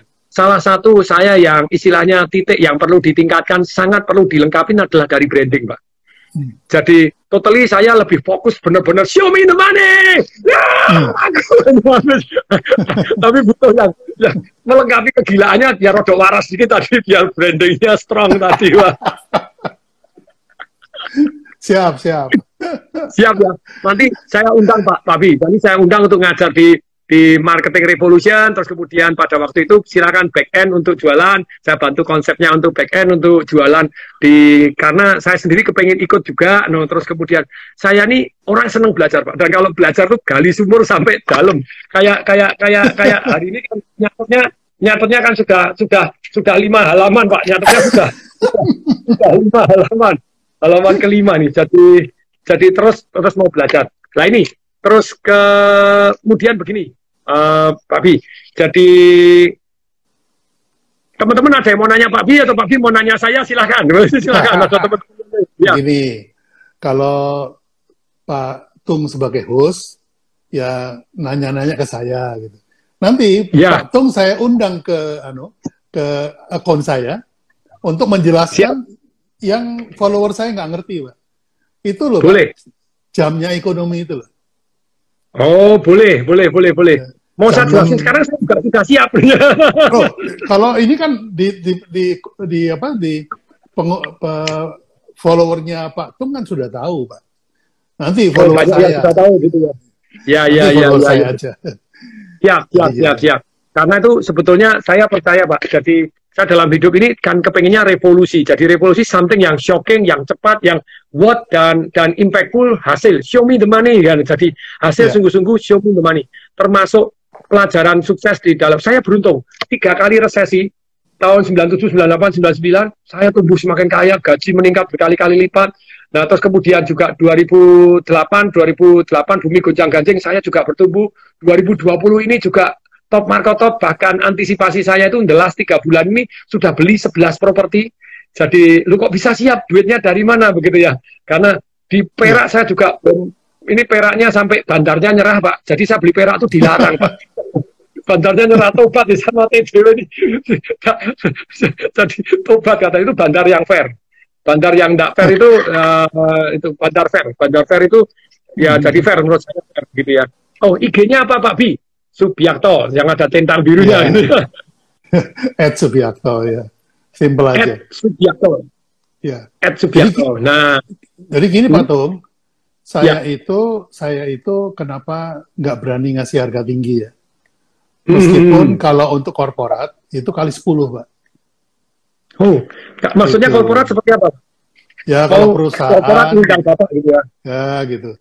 Jadi misalnya minta menjadi konsultan, ya itu harganya pasti hmm. 10 kali. Tapi kalau hmm. untuk teman-teman UKM, karena ini kan setengah PMA ya Pak ya, penanaman hmm. modal akhirat gitu. Jadi Wah, wah, wah, wah, PMA penanaman modal akhirat. Jadi ya kita anu lah apa namanya bagi-bagi lah gitu istilahnya. Jadi ya, subsidi kalau, dari teman-teman yang lain gitu. Ya, dari atas ke bawah. Kemarin ya. saya juga untuk pertama kalinya Pak jadi konsultan politik. Dirayu-rayu sama murid saya ini kan orang tuanya mau jadi bupati. Saya kalem banget dua bulan tuh saya enggak ya, enggak enggak gitu ya cuma hao-hao. Tapi orang itu terus ngepus terus hmm. sampai akhirnya akhirnya saya saya saya saya searching saya nanya-nanya wah oh wah yang lama kurang bagus ini. Yang hmm. kelihatannya ini ada harapan. Jadi saya bukan bela partai, bukan apa, tapi bela orangnya. Hmm. Saya lihat orangnya tulus, orangnya begini, waduh bangun masjid sekian banyak, terus ini pengungsian gini, terus kemudian bukan hanya itu saja. Ini harapan baru. Kalau yang lama kelihatan sudah berat sekali begitu ya. Problemnya berat sekali APBD. Nah kemudian itu kurang dua bulan Pak, disurvei sama LSI kalah tujuh persen sama pertahanan. Hmm. Nah, kemudian tadi kolaborasi kerja sama tiga Pak. Satu sama LSI menyediakan database gitu ya. Hmm. Kemudian sama dengan WA Blast. Kemudian saya konsepkan Pak, konsepkan hmm. isinya. Pakai jurusnya Macron. Nomor satu survei, survei sambil hmm. promosi. Apa masalah yang anda ada selama lima tahun terakhir masalah ada kan mereka cerita semua masalahnya berarti kan tidak puas. Masalahnya apa? kami benar-benar kepengen mewakafkan hidup kami dan kemudian untuk itu kami mau mendengarkan amanah rakyat seperti apa, apa keluhan Anda selama ini. Jalan rusakkah, membuat KTP lamakah, korupsikah, apa yang, yang sudah sudah sebetulnya ngepal Pak, sudahnya ngepal itu sudah marketing tanpa disadari. Sudah itu jawaban kedua dari sekian satu juta delapan puluh orang kita belas yang yang yang kedua jawabannya begini. Oh, uh, terima kasih. Begitu mereka jawab, langsung kita jawabannya terima kasih. Jadi kami betul-betul kepengen uh, uh, mewakafkan video kami untuk begini. Kalau pengen mengenal kami silahkan klik di sini. Cuma gitu aja. Yang hmm. satu nyebut nama.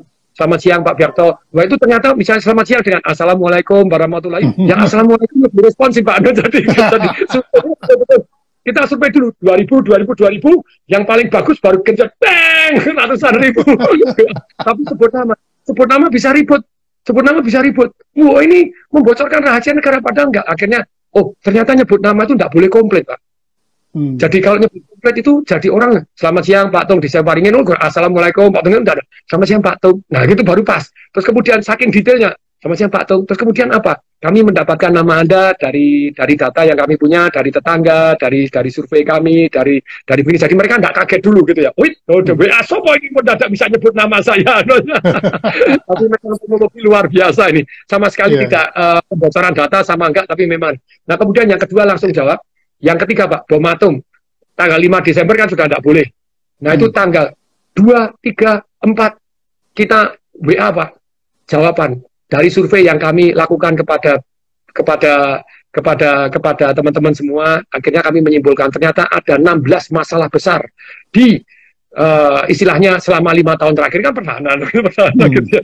Kemudian 16 janji kami. Jadi kita kita membuatin janji politik, Pak. Misalnya dulu buat KTP, dibuat korupsi. Kalau kami membuat KTP itu waktunya antara satu jam sampai maksimum tiga hari. Apabila lebih dari tiga hari, pemerintah yang bayar denda. Mutar enggak Pak? pemerintah yang bayar denda, buatin program Pak Dito. Belas yeah. Pak, geber tiga WA saja Pak, tiga WA saja Pak, selesai Pak. Menang 17 persen Pak. Dari kalah 7 persen, jadi pada waktu coblosan menang 17 persen. Hebat. Itu strategi, strateginya antitesis itu Pak. Antitesis Pak yang namanya ya. Antitesis. Jadi yang dia lakukan kita sebaliknya gitu. Apa pun yang ya, dia lakukan dia kita sebaliknya. Gitu. Hajar habis dan kasih program. Ini dulu begini, ini tingkat mati bayi sekian. Padahal hmm. beliaunya dulu dokter punya rumah sakit, tapi tingkat mati bayinya naik 40 persen, tidak masuk Nah, karena tidak melakukan ini, ini, ini, ini. Nah, kita lakukan ini, ini, ini. Dulu perizinan susah, dulu apanya susah, dulunya gini-gini. Dulu uh, istilahnya guru ngaji nu tidak dapat gaji tidak begini atau dipotong ada susah nah, ini kasih kasih program jawabannya semua semua masalah dia jawabannya dan mantap sekali firm sekali nah ini yang yang yang luar biasa begitu ya nah ini teman-teman nah ini Pak Bi saya juga sama jadi saya itu sejak semakin hampir bablas kena COVID itu kan hmm. merenung toh. Tuhan kalau dikasih kesempatan hidup ini TDW mau ngapain sih? TDW itu mau ngapain gitu? Oh saya mau nulis buku lagi. Saya kan nulis tiga buku sekarang. Baru baru nulis serakah banget langsung nulis tiga. Saking tak keburu takut mutar duluan. Karena diminta Tuhan kan anytime kan kamu tidak bisa protes loh. Betul, betul. nah terus kemudian kan kepingin sekali bermanfaat untuk orang banyak. Jadi saya punya kan, jadi oh mestinya nomor satu diberkati, dilindungi dan dibimbing oleh Tuhan. Untuk itu harus baca kitab suci masing-masing. Kepingin diberkati, kepingin dilindungi, kepingin dibimbing, nggak pernah baca kitab suci masing-masing ya aneh kan gitu ya. Jadi bacalah kitab suci belajar. Kemudian yang kedua, kepingin bermanfaat untuk orang banyak. Nah, untuk hmm. bermanfaat untuk orang banyak, tulis buku tadi seminar saya gratis-gratis kan. Saya gratis hmm. kemarin gratis. Wah, yang daftar 15 ribu. Setelah 15 ribu, uh, saya terlanjur booking Zoom bayar 92 juta. bayar Zoom 92 juta, 15 ribu. Yang ikut ternyata cuma 6 ribu. Pada waktu hasil akhir, waktu hasil akhir cuma akhirnya jadi hasil akhirnya gimana? Hasil akhirnya cuma 3 ribu. Jadi orang gratis itu ternyata ya kayak tadi, gak iso toh kamu barang bagus dikasih murah, ya akhirnya saya merasa, wes tak sumbangkan aja deh, keuntungan saya sumbangkan aja deh. Kayak buku saya itu kan yang Live Revolution dijual 345 ribu, tapi 100% royalti saya sumbangkan. Kemarin hmm. hitung-hitungnya sudah hampir 1 M. Hmm. Nanti ini kita bayar, kita sumbangkan untuk dunia pendidikan, 100% kita sumbangkan. Dan duit sumbangan, saya tidak pernah berani megang. Tidak pernah masuk ke rekening yang kontrol tiga. GM saya dua, keuangan saya satu. Jadi wes aman. Jadi wes kalau disumbangkan, sumbangan sungguh saya tidak berani megang sama sekali nanti dosa. Megang saja enggak. Tersalurkan dengan baik dalam rangka ini, Mas uh, Mas Jarto, saya mau sharing. Jadi teman-teman, saya tanya siapa yang sudah ikut seminar Financial Revolution saya, baik yang gratisan dulu itu sampai jam 3 pagi, gratis saja sampai jam 3 pagi. Pembicaranya berlebihan. Kendeng itu. Mulai pagi sampai jam 3 pagi. Siapa yang sudah? Nah, uh, pertanyaan saya, yang belum, ini biasa orang terdua ikut seminar saya. Pak UYM, Ustaz, Ustaz Yusuf Pancung juga pernah ikut. Itu Slang juga ikut, Mas Rido juga Mas uh, ikut juga. Terus kemudian Padi juga ikut. Jadi memang banyak orang belum istilahnya uh, sadar bahwa ini penting sekali. Sebelum, makanya saya bilang, sebelum pemerintah masukkan mata pelajaran kecerdasan keuangan di sekolah gitu ya, hmm. ya saya akan mulai dari saya sendiri. Nah ini yang sudah, sudah toh. Nah ini yang sudah, ada yang belum. Nah kalau Anda yang belum, dari 5 juta 800, Anda cukup 149 ribu, boleh sekeluarga. Dan kalau Anda bilang, Pak Tong, saya tidak punya duit, boleh ikut seminar. Sebetulnya semua seminar saya, Pak, orang tidak punya duit, saya izinkan ikut, Pak. Hmm. Anda betul-betul tidak punya duit, Pes, ini jadi istilahnya kan amal yang terbaik itu adalah ngasih ilmu katanya. Katanya yeah. kalau bakatmu itu sampai kapan nanti masih didoain bagus, bagus, bagus. Betul, betul, betul. ada yang saya dua kali, ada yang belum. Saya tanya, yang sudah, kira-kira Anda belajar bermanfaat atau bermanfaat banget? Ayo, silakan gitu ya. Yang belum, no. Ya. Saya belum ya. ikut, Pak. Saya belum Ayo ikut. Ah, ikut. ikut. Siap, itu siap. tiga hari ya. Tiga hari tentang financial revolution itu menurut saya saripati. Saripati yang luar biasa, tiga hari rock and roll Jumat mulai jam 2 tanggal 19 ini sampai sampai selesai itu ya jam 9, 10, jam 11 tergantung gitu ya. Tergantung yang saya itu kan biasanya ngeyel sampai selesai. Terus besok paginya mulai jam 9, selesainya jam 9, enggak sih, biasanya jam 11, jam 12. Besoknya mulai jam 9 lagi, selesainya bisa ya jam 10, 11, enggak sih, kadang bapak jam 1, jam 3. Pembicaranya gendeng. Nah, silakan kalau teman-teman tanggal 19, 19, 20, 21 tentang apa sih mulai usaha tidak pakai duit caranya gimana. Kemudian. BPKN bagaimana menemukan orang-orang yang jauh lebih kaya dari kita, bagaimana kita supaya mereka mau bergaul dengan kita. Terus kemudian ini kan saya nanya, kalau saya mau sukses kemungkinan berhasil itu caranya gimana? Ternyata kalau mau sukses itu belajarlah kerjasamalah mempekerjakan yang terbaik. Kayak tadi, kalau misalnya mau branding, belajarlah dari Pak Biakto, gitu. jangan dari Tom Desain Paring ya bisa sih, tapi ya ilmunya beda. no, ya. Belajarlah sama siapa pun, tapi alangkah kabarnya cari ahlinya kan gitu ya, cari ahlinya. Nah, jadi sekali lagi teman-teman, ini saya tidak tahu Pak Dimas apakah ada. Jadi, wah, next property revolution.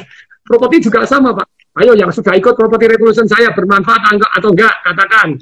Ayo bermanfaat enggak, katakan. Properti jurusan propertinya gila-gilaan. Juru cara jualan properti saya bongkar detail, Pak. Naikkan harga malah laku, caranya gimana? Nawarin itu harus ada emosinya, kalau tidak ada emosinya, dipasang pelang, dijual ya, oke dijual. So, buat gitu loh. Kalau ada ditulis, dijual cepat, butuh uang banget. Wah, orang mencium bau. Jadi pasang sepanduk, sebelah dikasih perbandingan. Kayak saya jualan di Batam itu true, Pak. Sebelah itu dijual dua, emang saya 899, untuk 12 pertama, saya kasih tambahan bonus kolam renang 180 juta. Hmm. Dan kerjasamanya dengan developer yang sudah 32 tahun tidak pernah fail untuk satu pun. Semuanya deliver. Semuanya deliver gitu loh ya. Jadi sampai boleh. alam sutra. Nah, saya ikut, boleh saya ikut. Ayo ikut 19, 20, 21. Nanti yeah. yang saya yang mau, saya juga mau ikut. Yang yang dua hari saya mau ikut. Yang tentang yeah. basic, tentang tentang branding, marketing, dan selling.com saya mau ikut juga, Pak Jarto. Ya. Orang harus selalu belajar, harus cukup rendah hati untuk belajar gitu ya. Nah ini luar biasa. Pak Jarto umur 70 masih, masih mau belajar salut. luar biasa. Nah, daftarnya gimana? Nah, daftarnya gimana? Ini Pak Dimas, daftarnya bagaimana? Ini ada Pak Dimas, ini ada ada ada tim saya ya. karena ini mendadak gitu ya.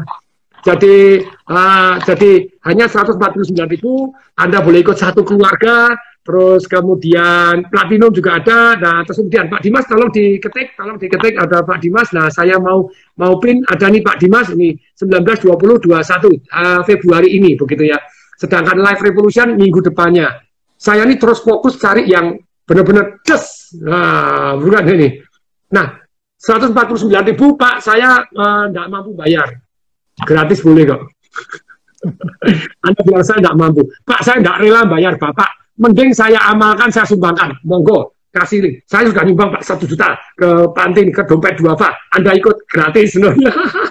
Benar, kita begitu ini. Nah, oke, okay. saya saya gini deh. Anda hubungin nomor telepon ini aja deh sebentar. 11, 813 kali. 63 873 begitu ya. Jadi 0813 kali. 63873 Anda ketik aja FR dan kemudian Anda ketik nama dan email. Nanti akan ada linknya nanti ini ya. Jadi email jadi Pak Pak Dimas sudah sudah sudah ada belum Pak Dimas ini? Sudah sudah. Nah, oh Pak Dimas sudah sudah ngasih. Mana Pak Dimas Pak Dimas mana nih? Ayo Pak Dimas tolong nanti saya saya saya saya proportion proportion itu saya setahun cuma dua kali. Saya sebulan cuma dua kali seminar. Dua kali dua kali seminar sebulan cuma dua kali sisanya ngurusin perusahaan gitu ya. Marketing revolution bulan depan lagi. Nanti Pak Biakto mau saya undang untuk ngajar tentang branding. Siap Pak ya? Itu siap ya? Siap siap.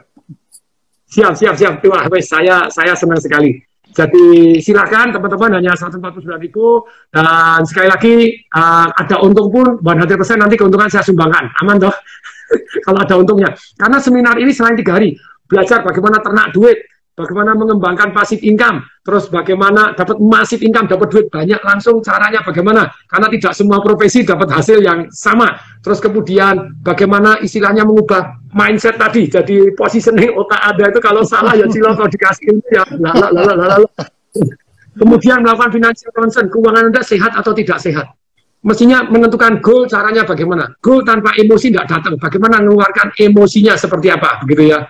Nah, terus kemudian berikut lagi bagaimana ceritanya kalau tadi sudah ternak duit, mulai duit, terus financial concern, uh, step kecerdasan keuangan itu seperti apa? Ini mestinya diajarkan di sekolah begitu. Termasuk kalau mau ngelamar kerja dengan kemungkinan berhasil 98% itu caranya bagaimana begitu ya. Pasif income itu tipe-tipenya apa saja? Bisa nggak mulai pasif income tanpa modal sama sekali? Caranya bagaimana? Terus kemudian mulai pasif income dengan pelan-pelan, tapi pasti caranya bagaimana? Kita kasih uh, something yang luar biasa gitu ya. Nah, tapi sekali lagi begini ya. Jadi teman-teman silakan hubungi 0813 kali 63873. Saya hanya batasin sesuai jumlah jumlah sum terdekat. Kalau jumlah sum terdekat 500, ya 500, sisanya akan bulan depan. Saya nggak mau nggak mau subsidi Pak itu. Kalau dulu subsidi 10 ribu bayar 92 juta dan saya kasih gratis iPhone. Saya giveaway iPhone. Caranya gimana? Anda ikut datang harus dari awal, Kemudian juga di tengah awal nanti saya kasih password, di tengah saya kasih password, satu hari ada dua, tiga, empat password. Kemudian pada waktu jam terakhir, kita pakai wheel of name, jadi 100%, 100% betul-betul objektif, tidak ada rekayasa sama sekali. Begitu keluar namanya, kita suruh nyebutin passwordnya. Ada ada 9, 10, 11 password. Kalau berhasil, Anda dapat iPhone 12. Nah, hmm. kemudian ini untuk mancing supaya orang belajar serius. Kalau enggak kan nanti, oh, enggak serius ini ya Selain itu saya kasih juga satu yang namanya sepeda lipat dan ada cincin berlian. Cincin berlian itu dari Adel Jewelry. Ini saya jadi konsultan, Pak. Sekarang saya jadi konsultan dibayar ember-emberan, Pak. Saya konsultan cuma saya batasin. Setahun tiga, maksimum empat perusahaan, karena sebulan cuma sekali doang, Pak, gitu ya. Tapi bayar saya selalu di atas 2 M. Dan saya bayar pajak resmi, Pak. Makanya saya kepilih sebagai pembayar pajak terbaik di Banten saya jual properti saya bayar resmi, saya sewa properti saya bayar resmi. Jadi sampai pajaknya nira-nira. Ini ada orang tuh dalam pandemi gini masih bayar pajak dengan tertibnya. Makanya dapat anugerah membayar pajak terbaik di Banten 2020 bareng dengan si AM Biniaga, bareng dengan Hero, bareng Angkasa Pura, bareng dengan si Armas BSD. Saya masa segede itu sih. Mereka yang jauh lebih gede. Nah, sekarang boleh ini uh, sebelum sebelum uh, last but not uh, least begitu ya. Jadi ada Pak Pak Pak Biakto ada mau apa yang mau disampaikan? Silakan.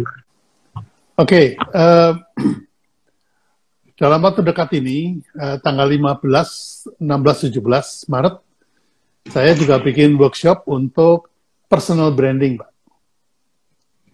Oke, okay.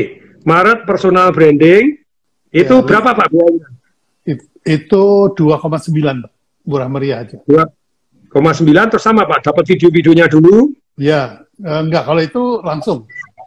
Langsung live. Itu. Oh, langsung live. Ya. 15 16 Maret. Saya minta saya kosongkan ini, saya kepengen ikut ini. Ya. Jadi diajarinya cuma tiga tahap. Yang hmm. pertama, Anda jadi siapa?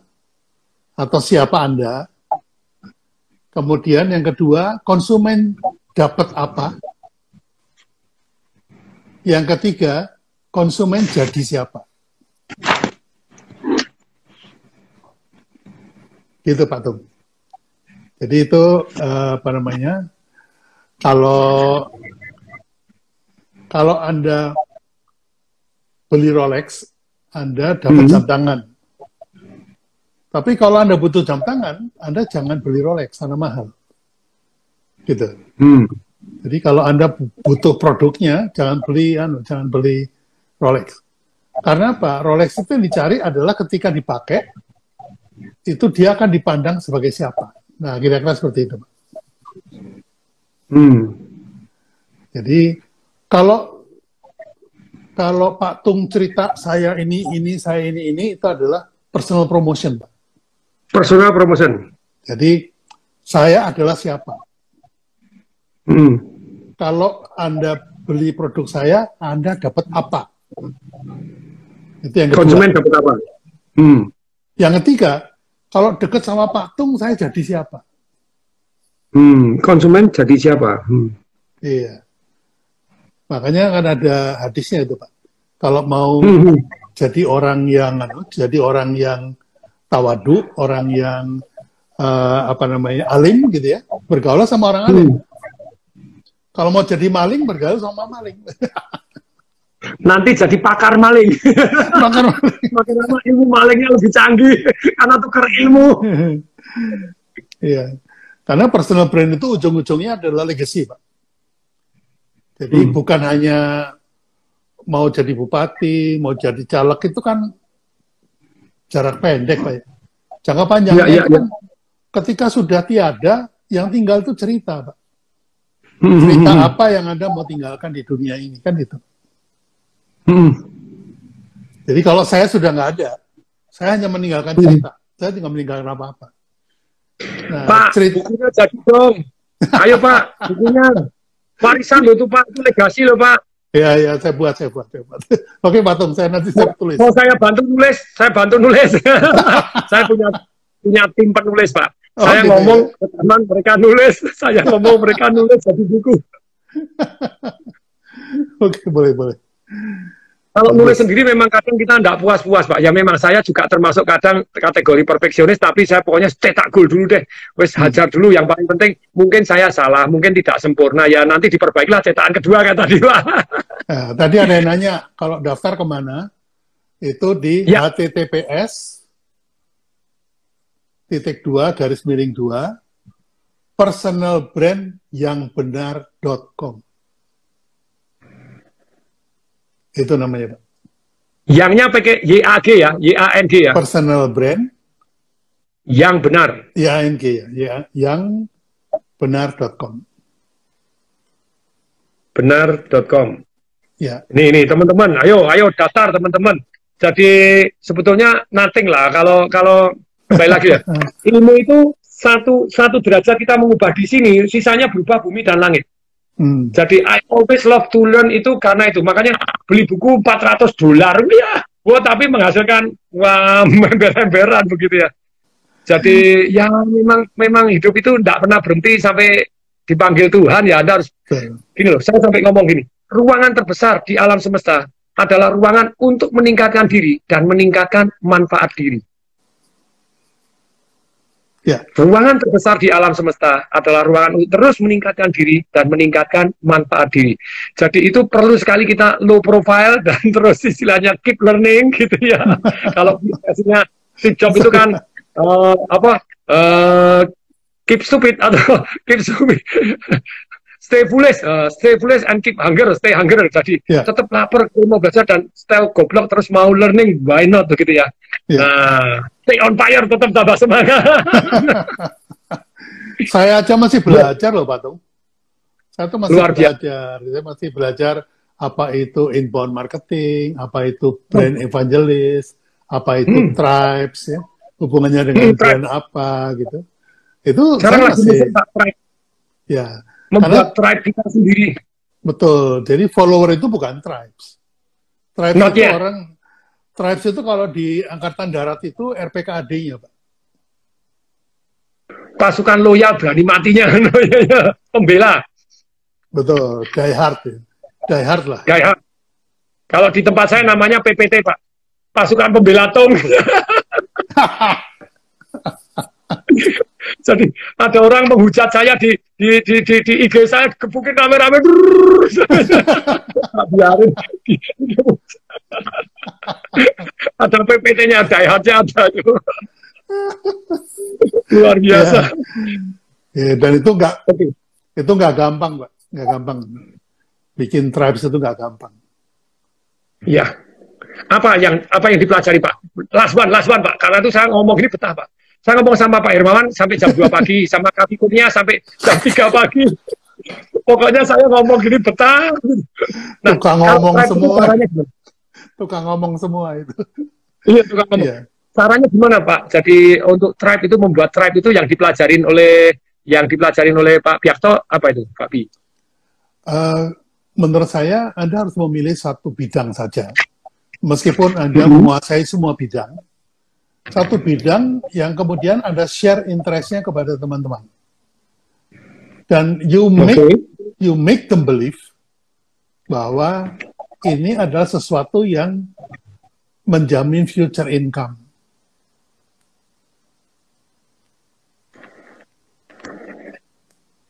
Jadi itu cara saya seperti itu. Contohnya, Pak? Contohnya saya memilih brand misalnya. Saya bisa banyak, hmm. Saya ngerti bisnis, saya jadi CEO hmm. dari tahun 81, kemudian hmm. saya ngerti marketing, saya ngerti branding. Tapi saya hmm. hanya mengambil satu bidang brand.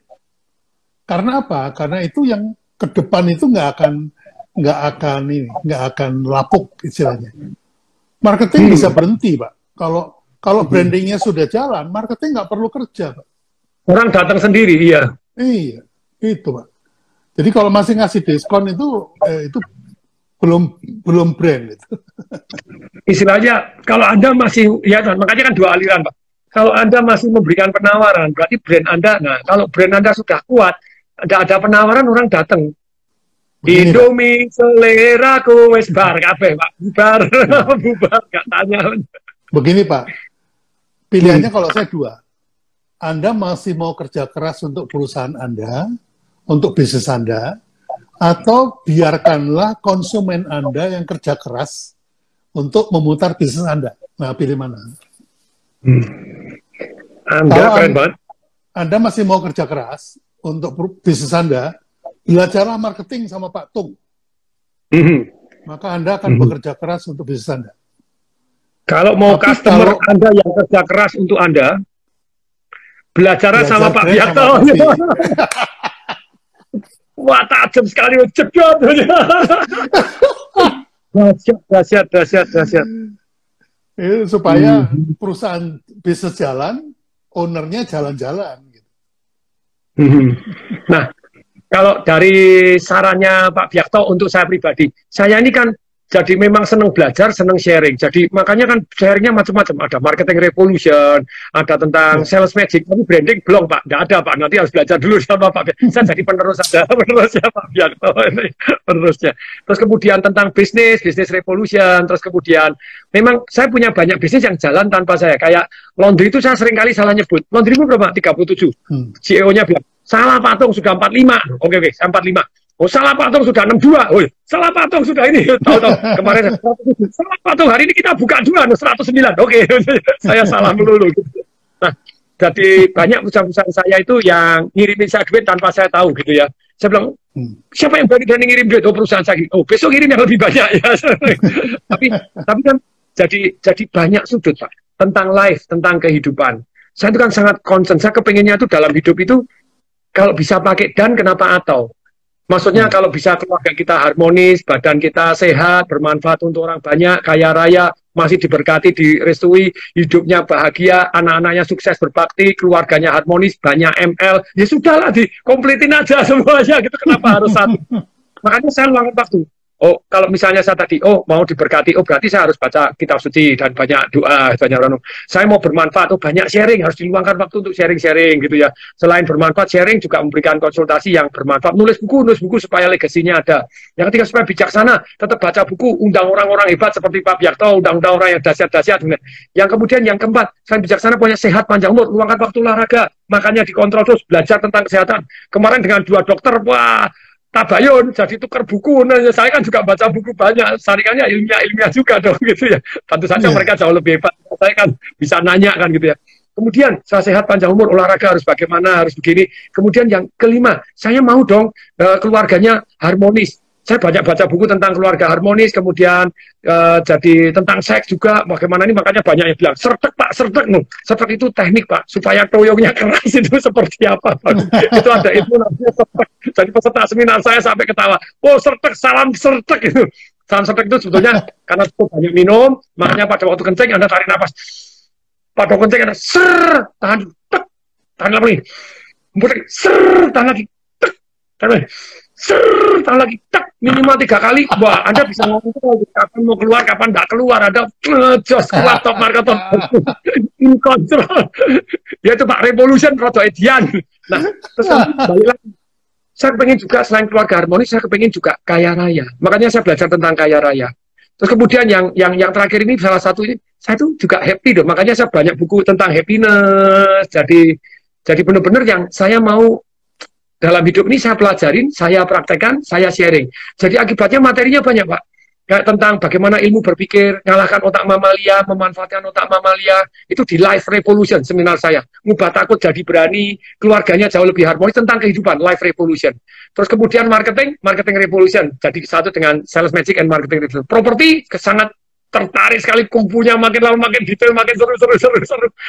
Jualan, jualan, jualan, dan punya bangun banyak properti yang memang salah satu yang membuat saya kayaknya itu wes Jos itu properti luar biasa.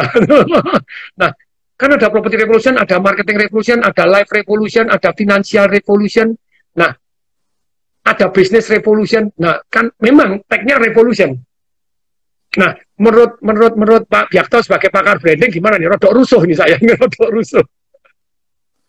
Enggak, Pak. Um, apa pun yang Anda lakukan itu membawa hmm. DNA Anda, membawa membawa uh, core value Anda. Core value Anda itu revolution. Karena Anda itu orangnya nggak sabaran. Maunya cepat ketahuan. Saat, saat saatnya gitu. Makanya ingat TDW, ingat revolution. Perubahan yang gitu. cepat, iya. Nah, kalau saya, Pak, hmm. itu hmm. bukan ingat Pak B, ingat brand, bukan. Ingat Pak B, hmm. ingat praktisi praktisi yang sudah 50 tahun. Praktisi apa? Praktisi brand, praktisi advertising, praktisi uh, filmmaking, praktisi jingle production dan segala macam. Jadi eh, masing-masing uh, itu mempunyai sesuatu yang diingat.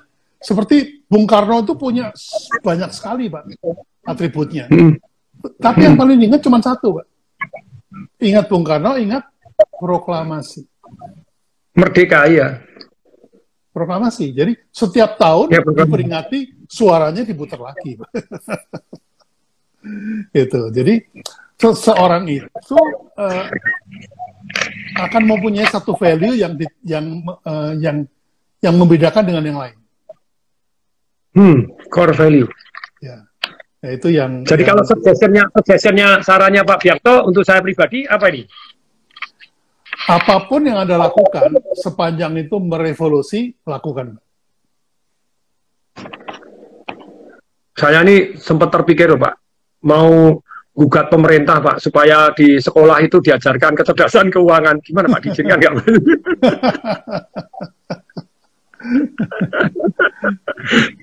belum tega pak belum tega. Maksudnya sih baik. Iya. jadi maksud saya itu kecerdasan keuangan itu sangat penting. Kalau anda bilang bahwa yang namanya gap makin lama makin jauh yang kaya makin kaya yang miskin bablas miskin yang menengah tidak kaya kaya karena salah satunya pak nilai-nilai kecerdasan keuangannya beda. Saya membedakan orang kaya sama orang miskin dapat duit beda banget hmm. orang miskin terima duit beli apa ya? Dapat lotre 10 miliar. BMW beli juga rumah beli juga wah naik haji boleh dong naik haji sudah mampu hmm. gitu ya. Hmm. tetapi Bedanya kalau orang yang kaya terima duit, ini bagaimana supaya berkali-kali lipat? Sabar dulu, diinvestasikan dulu. Nanti baru hasilnya buat naik haji, hasilnya baru beli punya mewah, baru beli mobil. Jadi totally berbeda. Dan budaya budaya ini kelihatannya kalau saya ngomong 97% orang di Indonesia. Nah ini harus di, dirubah mulai dari kecil, Pak. Dari SD, SMP, SMA, mulai ada pelajaran-pelajaran tentang menunda kesenangan, tentang investasi, jadi membedakan antara perlu dan kepingin. Nah ini kan ya penting sekali toh. Perlu kepingin, kemudian budaya menyisihkan, bukan menyisakan. Nah ini kan penting banget. Hmm. Kalau orang terima duit nunggu sisa ya, Mike Tyson nggak pernah sisa penghasilannya ratusan juta dolar ya habis semua, nggak pernah ada sisa. Mau ngabisin duit itu bias, nggak usah diajarin banyak orang bisa pak. Gak usah diajari ngabisin duit. Hmm. Jadi mestinya di sekolah itu ada pelajaran ini. Saya sampai sampai sampai ke Kementerian Pendidikan itu sudah ketiga kalinya yang ini, Pak. Dulu zaman Pak Anies Baswedan, saya WA tidak dibalas beliaunya. Waduh, tidak dibalas. Ternyata beliaunya mau diganti pada waktu itu gitu ya. Sedang diganti. Begitu ganti Pak Muhajir, saya tidak kenal. Saya WA kepada adiknya Bu Presiden karena teman sekolah saya di SMA Negeri 3, tolong kasih no Kang Mas Presiden siapa tahu be, siapa tahu bermanfaat. Eh, langsung diundang Pak Muhajir sangat terbuka. Saya diundang dua kali. Saya, saya presentasi begini, tapi tentu saja karena ada prioritas-prioritas tersendiri. Dan ini kan revolusioner, Pak. Masa di sekolah ngajarin tentang keuangan. Padahal menurut saya sangat-sangat hmm. penting. Ketegasan keuangan sangat penting. Lebih penting mana? Dari sinkos tangan ke tangan diferensial integrasi selalu ngomong gini dimarahin orang teknik dimarahin orang fisika saya bilang kalau anda mau mengembangkan fisika bukan ilmu itu penting sekali. Karena itu basic. Tapi kalau anda ya. untuk kehidupan anda sehari-hari kecerdasan keuangan lebih penting dari ini.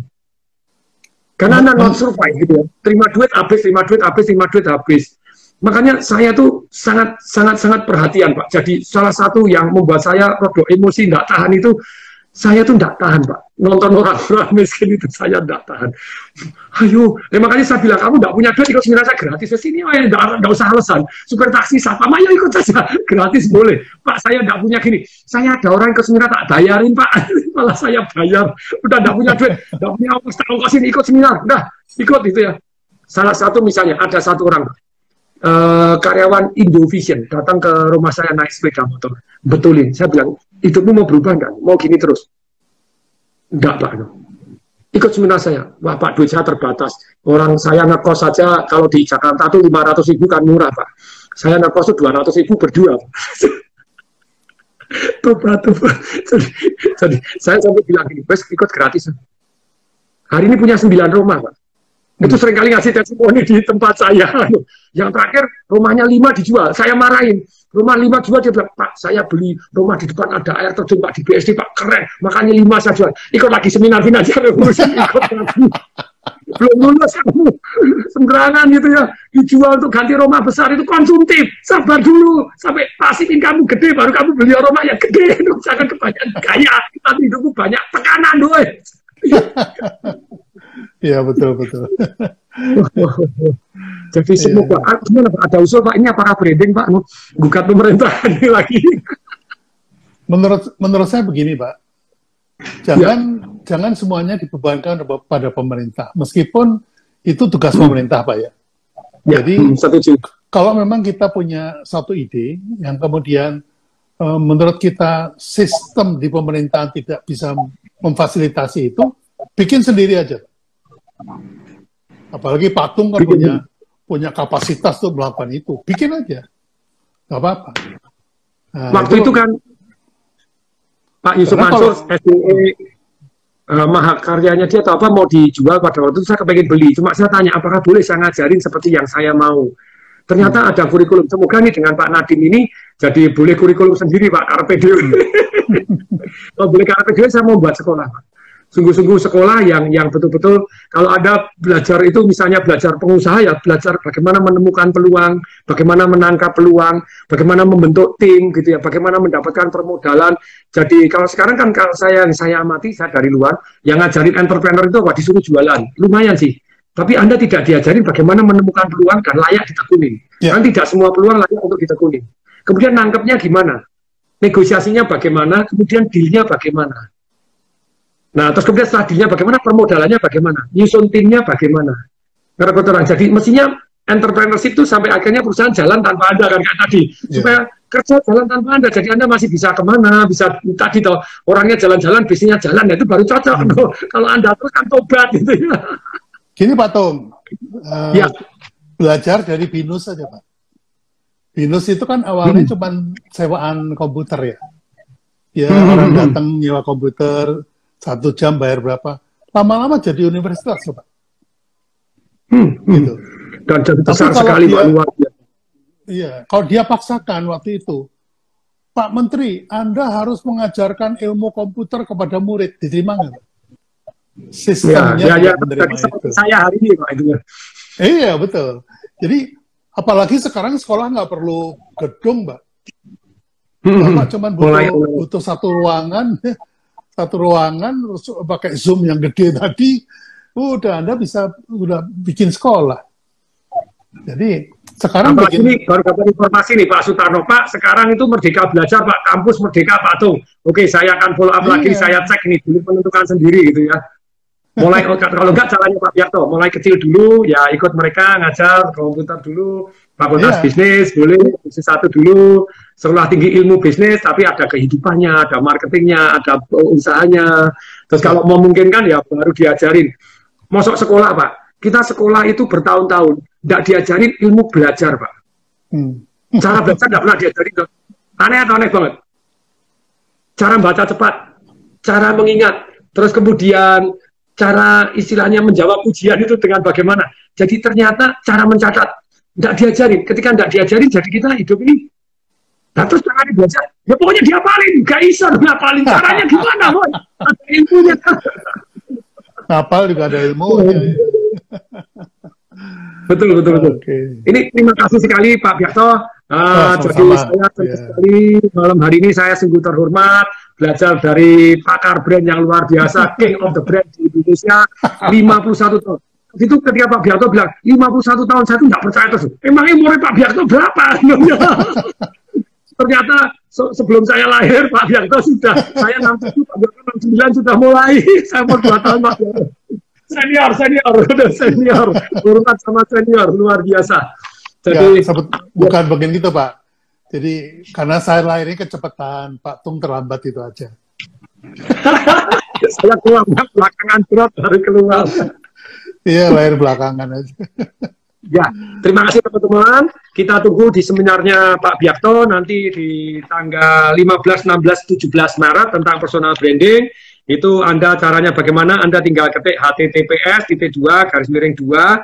Terus kemudian tadi personal branding yang benar.com ya Pak ya? Personal brand Pak. Eh personal brand yang benar.com terus garis miring satu lagi ya? Ya ya .com garis miring satu lagi jadi itu Anda silakan terus kemudian juga Anda bisa uh, belajar tentang basic yaitu branding marketing and selling itu selama dua hari, daftarnya di link mana? https titik dua garis miring dua, kemudian branding marketing selling.com garis miring satu. Yeah. Gampang, branding, marketing, selling. Kemudian yang nanti yang level 3, nanti tunggu setelah Anda lulus level yeah. 1 dulu. Gitu.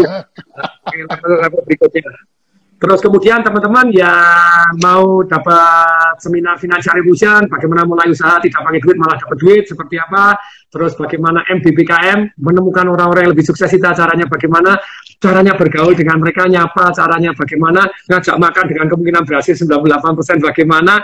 Setelah MBBKM membebek kamu, menemukan, kemudian bergaul, kemudian B-nya berikut bisa belajar caranya tanya apa saja yang ditanya supaya kita dapat ilmunya. Kemudian yang ke berikutnya bagaimana kerjasama dengan mereka membebekkannya kerjasama dengan mereka caranya bagaimana. Terus M yang terakhir bagaimana mempekerjakan orang-orang yang lebih sukses dibanding kita caranya seperti apa. Terus tentu saja tadi ternak duit terus kemudian mulai usaha dengan financial ronsen terus mindset kita caranya bagaimana supaya punya goal setting goal goal yang terbaik dalam keuangan Anda itu bukan uangnya nambah berapa. Saya ulangi ya. Kalau uang nambah berapa itu cuma keempat. Tapi yang disisihkan berapa? Kalau tidak ada yang disisihkan, Anda nambah berapa, habis terus. Jadi nomor tiga disisihkan. Nomor dua, pasif income Anda berapa? Jadi Anda harus punya goal pasif income. Kemudian goal yang yang yang nomor satu, yang ultimate itu apa? Amal Anda nambah berapa? Nah, amal itu ada dari aktif income, ada dari pasif income.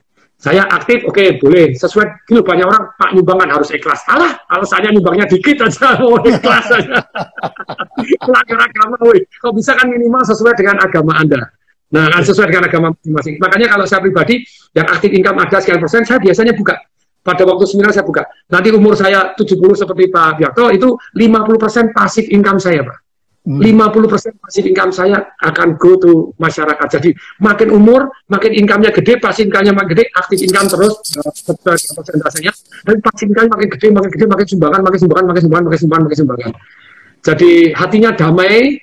Jadi tadi PMA, saya belajar satu istilah, penanaman modal akhirat. Akhirat. Dan sekali lagi begini loh, kalau Anda kaya-kaya sendiri untuk apa? Ini yang saya share tadi di Instagram saya. Anda sukses sukses sendiri untuk apa? Anda hidup hidup sendiri terus untuk apa? Anda dapat pencerahan spiritual. Aha. Tapi Anda dapat pencerahan untuk Anda sendiri. So what gitu loh. Anda keluarganya harmonis, yes Anda harmonis sendiri, untuk apa? Anak-anak Anda sukses berbakti, tapi cuma anak-anak Anda dua, yang lain terus untuk gimana gitu ya? Kalau anak-anak jadi berandalan, hidup Anda bisa damai? Sama, Anda kaya sendiri, orang lain miskin, Anda bisa damai? Tidak iso itu jadi dalam hidup ini. Makanya saya bilang, itu renungan Valentine, Pak. Renungan Valentine. Anda sehat, Anda sehat. Untuk apa begitu ya? Anda lebih baik, Anda mau kaya, Anda bahagia, Anda dapat pencerahan, Anda dapat kebijaksanaan, Anda dapat ilmu yang luar biasa. Sharing is caring. Dan Anda sharing itu tidak akan habis. The more you give, the more you get. Semakin yes. saya sharing ilmu, semakin ilmunya makin tajam, makin sakti, makin aha, dan lebih hebat lagi, Pak. Sharing ilmu proper. Banyak sekali sekarang murid-murid saya ngajak joinan. Nemu tanah, nemu begini, nggak ngerti tentang caranya ngolah, tapi tahu gurunya bisa punya ilmu kerja sama joinan sama saya. bisa joinan, bisa joinan di sini, saya joinan gini. Jadi ternyata the more we give, the more we get. Semakin kita sharing ilmu, kita dapat satu yang namanya ilmunya makin nancep. Yang kedua apa? Dapat peluangnya. Jadi rezeki tidak pernah salah arah, udah jadi balik lagi, udah pernah takut, anda bisa itu. Luar biasa. Terima kasih. Baik, terima kasih Pak uh, Patung atas undangannya luar biasa. Tadi uh, yang yang hadir lebih dari seribu orang luar biasa. Saya belum pernah uh, live IG sampai seribu orang. Dan terima kasih juga Pak Tung sudah mempromosikan workshop saya. Nanti saya undang juga Pak Tung untuk untuk mengikuti supaya bisa mengkritisi saya. Asap harus lebih baik bagaimana caranya. Jadi terima kasih banyak. saya tunggu nanti Pak Tung. Uh, untuk teman-teman yang hadir, saya mengucapkan salam. Wassalamualaikum warahmatullahi wabarakatuh. Terima kasih Pak Tung. Selamat malam. Terima kasih, selamat malam semua. Silakan gabung di seminarnya Pak Bianto, Pak Bianto, dan seminar saya di 081 3 kali 63873. Saya ulangi pelan-pelan ya. 08111 081-nya 3 kali 63873. Anda ketik FR, terus kemudian nama Anda dan email Anda. Kalau di tempatnya Pak Biakto, tadi ya saya ulangi sekali lagi, kalau yang tanggal tanggal 16, 15, 16, 17 Maret, Anda boleh daftar sana tentang personal branding selama tiga hari full. Nanti Anda belajar di mana? HTTPS titik dua garis miring personal brand yang benar titik com.com garis miring satu.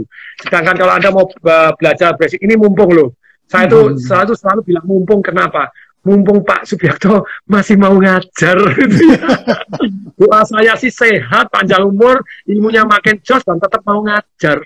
Dan saya doakan dan nanti serodok saya paksa saya ingat-ingatkan bukunya harus jadi. Amin amin amin.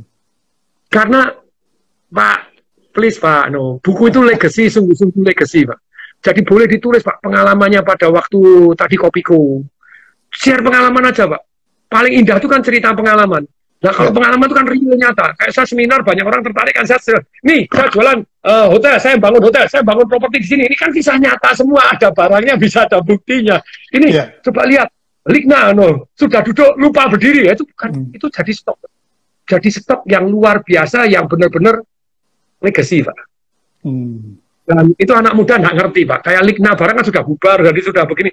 Maksud saya kan Kopiko, gantinya ngopi jadi Indomie tadi, you know, wah jadi jadi sungguh-sungguh yang yang yang Bapak yang luar biasa luar biasa studi kasusnya Bapak 51 tahun, Pak.